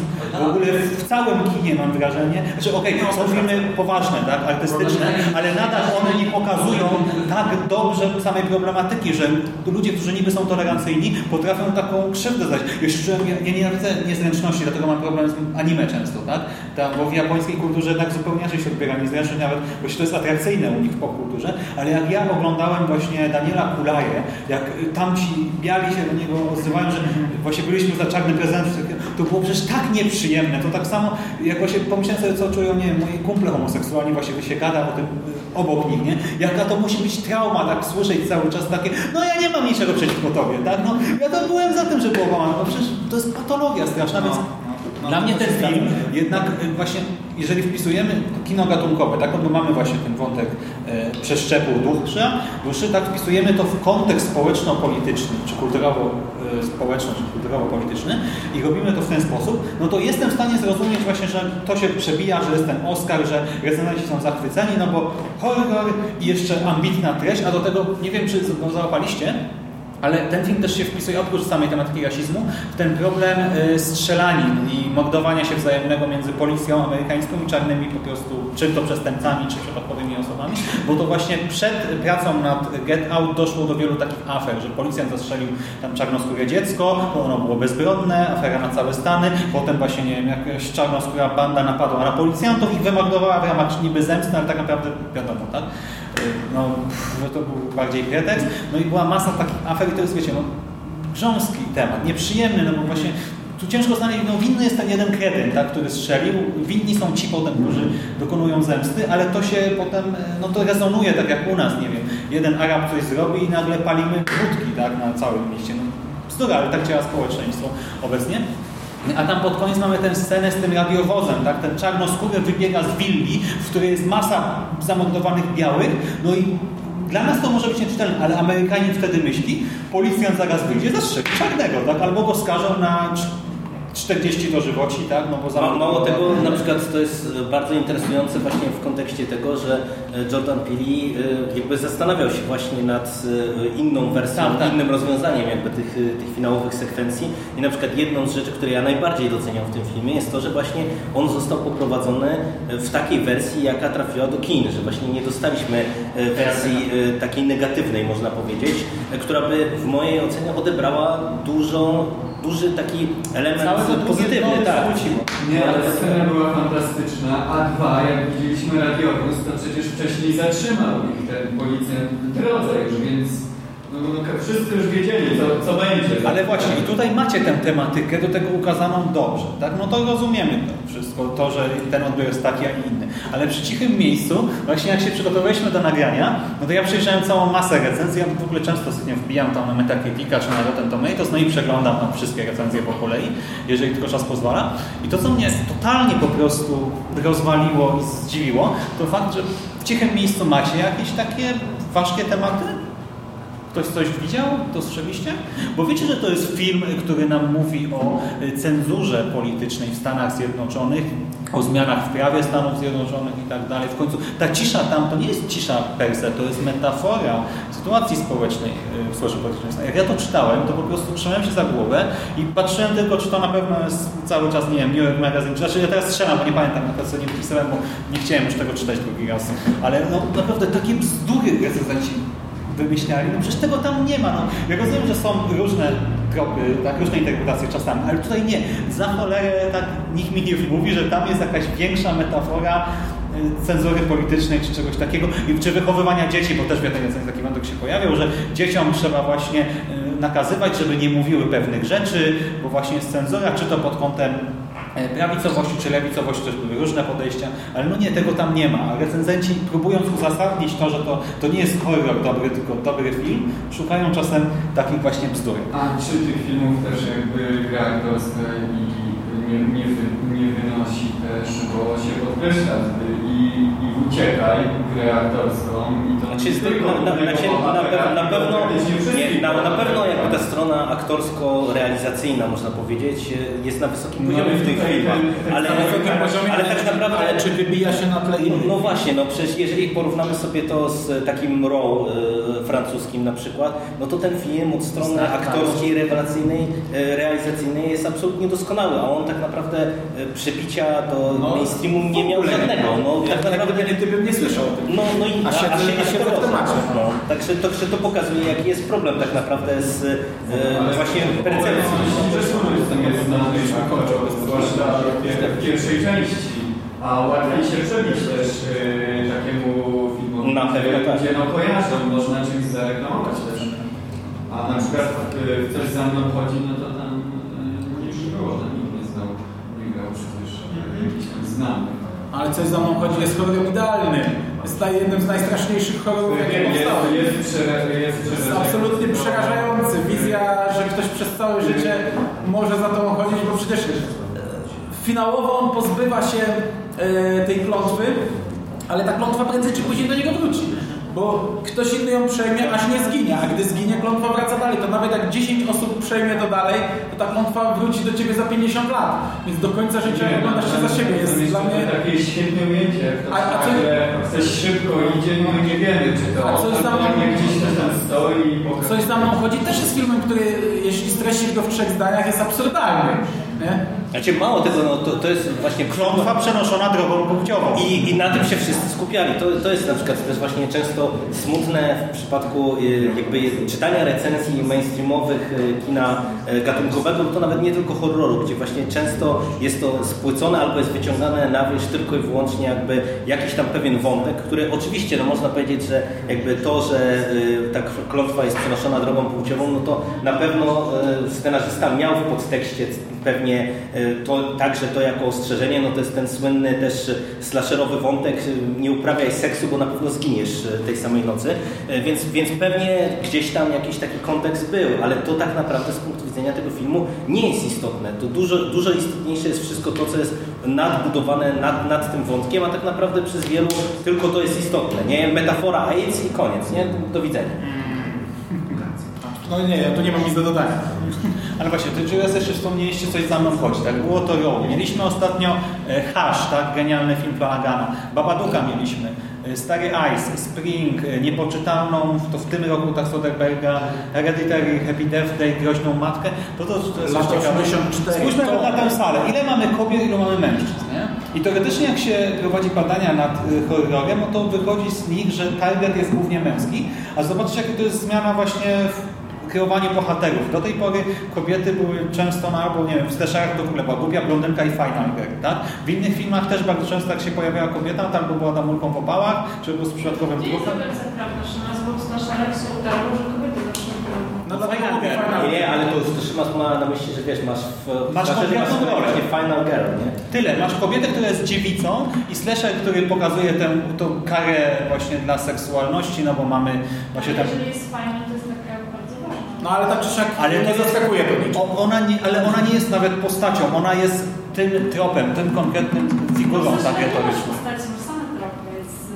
y, Ale właśnie teraz w tych filmach, które wymieniliśmy, mamy bohaterki, które nie pojawiają się w finale nagle, by wziąć w ostatniej scenie siekierę i pokonać Majersa czy kogoś tam, tylko one są głównymi bohaterkami, spełniają najróżniejsze role, tak? Są... Ale, ale rzeczywiście, bo teraz jak sobie przypominam filmy, to, to nie wiem, 80% to są ko- kobiety wokół się. Tak, i tu można i Babaduka, i były takie dwa filmy, tytuły mi uciekły, nie wiem czy Slumber były o tym, yy, o tym paraliżu sennym i tak dalej. Dwa takie kolory, które są o tym samym, też, też się wokół kobiet i to tutaj to... Ale to wiecie, to jest problem, problem polega na tym, że to, to, że jest kobieta nie zawsze znaczy, że ona służy jako bohaterka, z którą się widzowie mają tożsamość, tylko to może być po prostu kobieta, która nawet jeżeli to nie jest tak po prostu No. pokazane, że ona tam zbiera co, to jednak jeżeli target jest męski, to bardziej prawdopodobne jest, że oni po prostu chcą oglądać kobietę, która e, Ale Ale w tych filmach, o których mówimy, to nie ma. Nie, nie, nie mówimy o atrakcyjności. nie Nie, nie chodzi o to. To mówię, po prostu nie, to, to nie zawsze. Znaczy. Tak, ale mamy właśnie zmianę tak w kreowaniu postaci.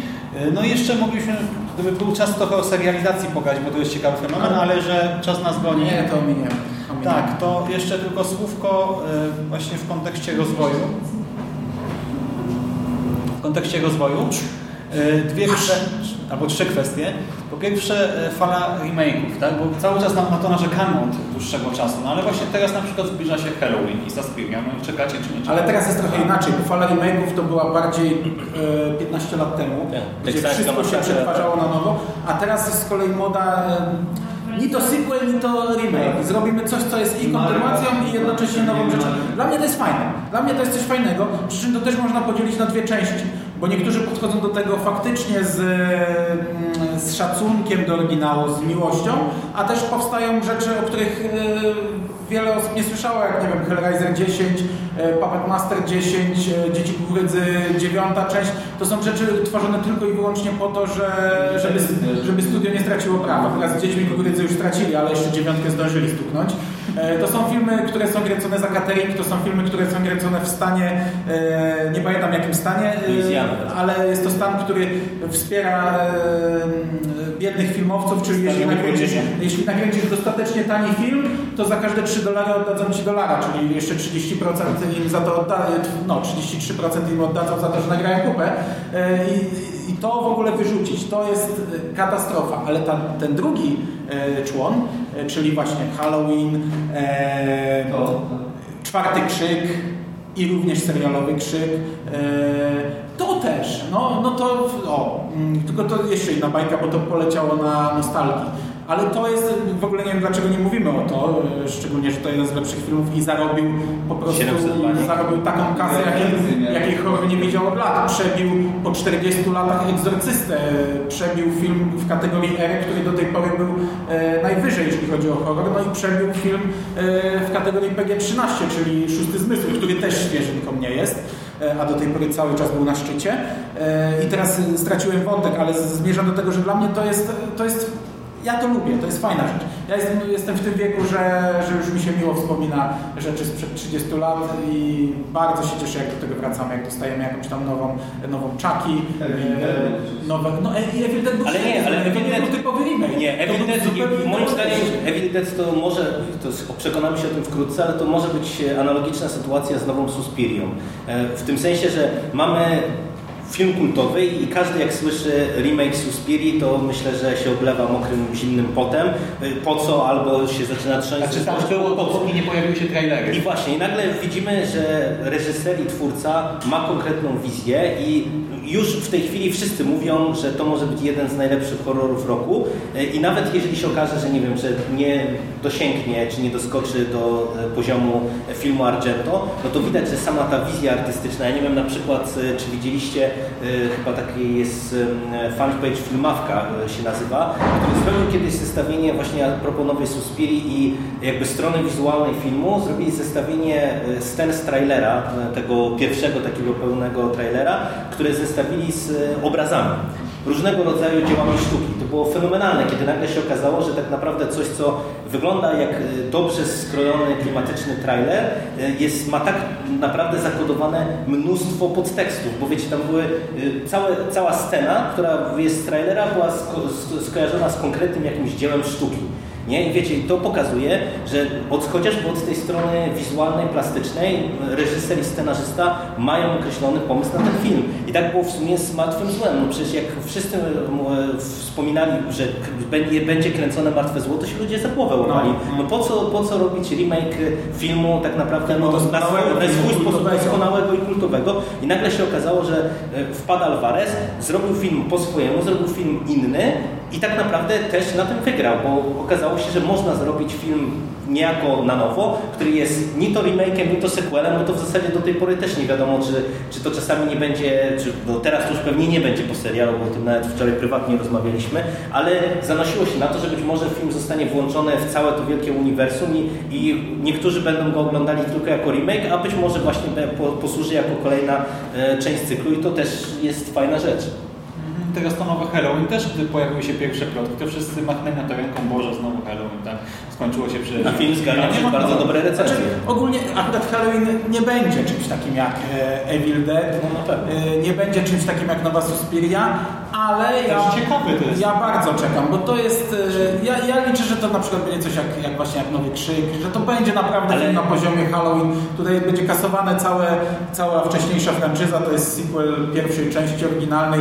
Ja wierzę, że Carpenter zrobi e, naprawdę Ale bo, bo, bo wspomnieliśmy tutaj o paru filmach i o twórcach, bo też nam czas się kończy, ja bym chciał do tego nawiązać, bo to jest też fajna rzecz w kontekście jakby szukania w ogóle e, kina interesującego, że warto też śledzić twórców konkretnych, bo widać w ostatnich latach, że pojawiło się paru takich reżyserów, którzy naprawdę pomijając już Łana, który gdzieś tam robi to, co robi i robi to, to dobrze w tej swojej konwencji, ale na przykład mamy chociażby Fede Alvareza, który zadebiutował pełnometrażowo tym Martwym Złem, a przecież e, Don't Breathe, e, czyli Nie oddychaj, ten jego drugi film, też się okazał absolutnie rewelacyjnym filmem. I tak naprawdę w kontekście chociażby tej zabawy e, z dźwiękiem, no to przecież to teraz sobie, jak o tym mówię, to sobie przypomniałem, że wszyscy się zachwycali dźwiękiem w cichym miejscu, gdzie tak naprawdę Don't Breathe moim zdaniem zdecydowanie lepiej ogrywał teoretycznie ten sam motyw, czyli właśnie zabawy z dźwiękiem, wykorzystania ciszy i tak dalej, i tak dalej. I e, Alvarez, który też chyba przecież w międzyczasie jeszcze w którejś antologii się pojawił z jakimś tam krótkim odcinkiem, e, widać, że to jest gość, który czuje horror. To samo mamy przecież z Adamem Wingardem. On trochę, co prawda, tym nowym Blair Witchem sobie nagrabił, bo po znaczy, paru Witch, notatnik śmierci. No, no. ja zdążyłem zapomnieć, że on to zrobił. Ale, ale widać, że po prostu pojawiło się parę, paru takich twórców, twórców, e, którzy e, debiutują, którzy są, są zainteresowani właśnie kinem gatunkowym i kręcą to kino gatunkowe, i których warto śledzić, bo, bo przecież no... To jest temat następny tak? Dokładnie tak. Mike Flanagan. Tak. Jest Mike Flanagan chociażby, który tutaj... Zrobił Hash, zrobił Trzyma Zanim się obudzę, Before I Wake, yy, jeszcze coś. Na godzinę z... Widget drugą na godzinę z Oculusa, tak, tak, tak. No jest James Wan oczywiście, tak, to te słynne franczyzy. Y, jest Rob Zombie. Tak, no jest Rob Zombie, który cały czas jest w swojej tej niszy, robi kino mocno specyficzne, można powiedzieć, ale y, no, można go lubić, można go nie lubić, ale jeżeli chodzi o horror, no to umówmy się, że on też y, w tej swojej właśnie niszy robi kino na swój sposób wyjątkowy. Szkoda, że ten minimalny tak już nic nie robi. Znaczy on jedną rzecz jakąś tylko ostatnio kręci, ale...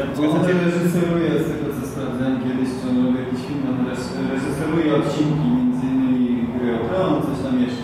Natomiast widać nawet po antologiach właśnie, gdzie tam e, wspierają tych różnych młodych reżyserów, czy nawet nie tylko młodych. To jest ciekawe, bo Kurczę, mógłby powstać teraz trzeci sezon Mistrzów. Ale bo tak naprawdę mamy nazwiska. Ale właśnie, a propos tego, to nie wiesz, w ubiegłym roku, 30 marca, Mick Garris zapowiedział, że właśnie myślał o nowych mistrzach choreografu i chce stworzyć jakąś antologię. Ale to była petarda, nie? No i stworzył, ale to jest film. Aha. I to jest film zbierający dziadków. Ja sobie nie pisałem. On trafi do dystrybucji w lutym 2019, nazywa się Nightmare Cinema, ale właśnie znowu nie wiem, czy nam... A ja kojarzę faktycznie Tak, ale właśnie zaprosił znowu te starsze pokolenie tam już 60-letnich twórców tak naprawdę. A właśnie tutaj mamy tego Wana Flanagana, tak? Y, Roba. Y, Jest jeszcze przecież Shy, e, M. Night Shyamalan, tak?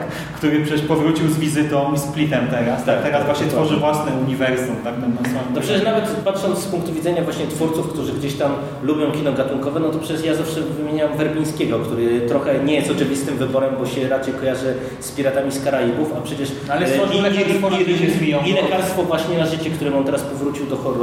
No ten film jest też jakby specyficzny, ale w tym swoim klimacie e, no jest to na pewno coś wyjątkowego i tak naprawdę e, to, to jest kino grozy, o, o, które też, e, czy którego też oczekujemy, nie? Kino specyficzne, nie dla każdego, ale właśnie z tym takim aut- autorskim sznytem. Ja jeśli już, a, jeśli już mówimy o przewidywaniach naszych, to e, ja jeszcze bym chciał wyraźnie podkreślić, że moim zdaniem rozwój platform internetowych bardzo pomoże horrorowi. E, to pokazują filmy, które już powstały i filmy mm, oryginalne dla Netflixa i dwa, dwie ekranizacje Stephena Kinga, które mieliśmy w zeszłym roku, które co prawda nie są horrorami, ale są to filmy, które do tej pory są to teksty Kinga, za które nikt by się nie wziął. Gdy Mike Flanagan powiedział Netflixowi, że chce zrobić grę Geralda, to tam się za łeb łapali, no po co to, nie? No ale dobra, zrób spoko, bo platforma nie narzuca ograniczeń, które do tej pory e, dawało i kino, i telewizja. E, Platforma daje w zasadzie wolną rękę. Przez e, filmy z platformy ciężko ocenić w zasadzie, jakie one mają zarobki, jak one wpływają na, tam na pewno mają od tego specjalistów, ale e, moim zdaniem, a ja w e, Stephenie Kingu siedzę od e, całe życie, to dopiero teraz po 40 latach platformy dały. Platformy pokazały, że Kinga da się zegranizować. Da się zrobić Stephena Kinga na ekranie, czego wcześniej, co wcześniej nam ograniczały e, budżety kinowe i ograniczał czas A, telewizyjny. a mało tego właśnie to w kontekście budżetów to też jest interesujące, bo o tym się bardzo często zapomina właśnie patrząc na wiele tych hitów. Widać, że budżet nie jest absolutnie czymś, co jest wymagane No to w też, ale to musi być dobry twórca. To tak, Ale samo, jak, nie, ale tak to samo jak się mówi, że kategoria R musi być. Nie musi być. Nie? No, jest. zgadza się. Jeśli, jeśli ktoś będzie umiał to zrobić, to, to przeskoczy budżet, przeskoczy kategorię, przeskoczy wszystko, No ale takich ludzi jest niewielu. No ale jakby nie patrzeć podsumowując, tak? mamy nowych mistrzów horroru, mamy ludzi, których warto śledzić, mamy miejsca, w których możemy łatwo znaleźć horrory ciekawsze, także te nieamerykańskie, których jak słyszycie jest cała masa. Mamy genialny w Polsce wielki i właśnie na pewno na skalę światową tak to jest wydarzenie, festiwal kina właśnie gatunkowo związanego z horrorem, więc żyć nie umierać, oglądać horrory. Dlaczego Polacy nie? No, demo, demo, No, nie? e, Nie no, w Polsce mieliśmy Demona i jeszcze coś mieli. No teraz wieża, wieża. nie no, mieliśmy więcej horrorów. No. Nie, no, ale ja chcę mówię o nich zapomnieć. dwóch tych docenionych, no to w zasadzie demon i Ale nie, w Polsce nic się nie zmieni, dopóki się po prostu nie zmieni system finansowania i trochę też no, działalność instytucji kultury, tak? Ale no może akurat za jakiś czas, potem właśnie nawet Netflix, tak? Jest jakąś alternatywą, może akurat uda się wyjść y, właśnie poza właśnie y, PiS, który daje pieniądze na różne dziwne rzeczy, a na różne inne nie chce dać z jakiegoś powodu. No ale nie wchodźmy w politykę, cieszmy się na razie tym, co mamy. Liczmy, że będzie lepiej. Zapraszamy Was na 21 na jest konfrontację. 9, e, dostali jest 9, e, przygotowaliśmy jeszcze jeden punkt na dzisiaj.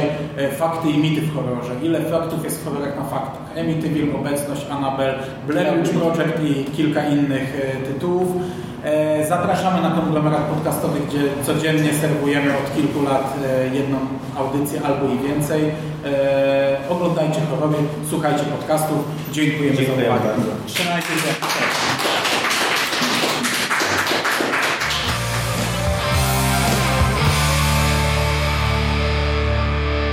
You finished? That's it, man. Game over, man. It's game over. What the fuck are we gonna do now? What are we gonna do? It's over. Nothing is over! Nothing! You just don't turn it off!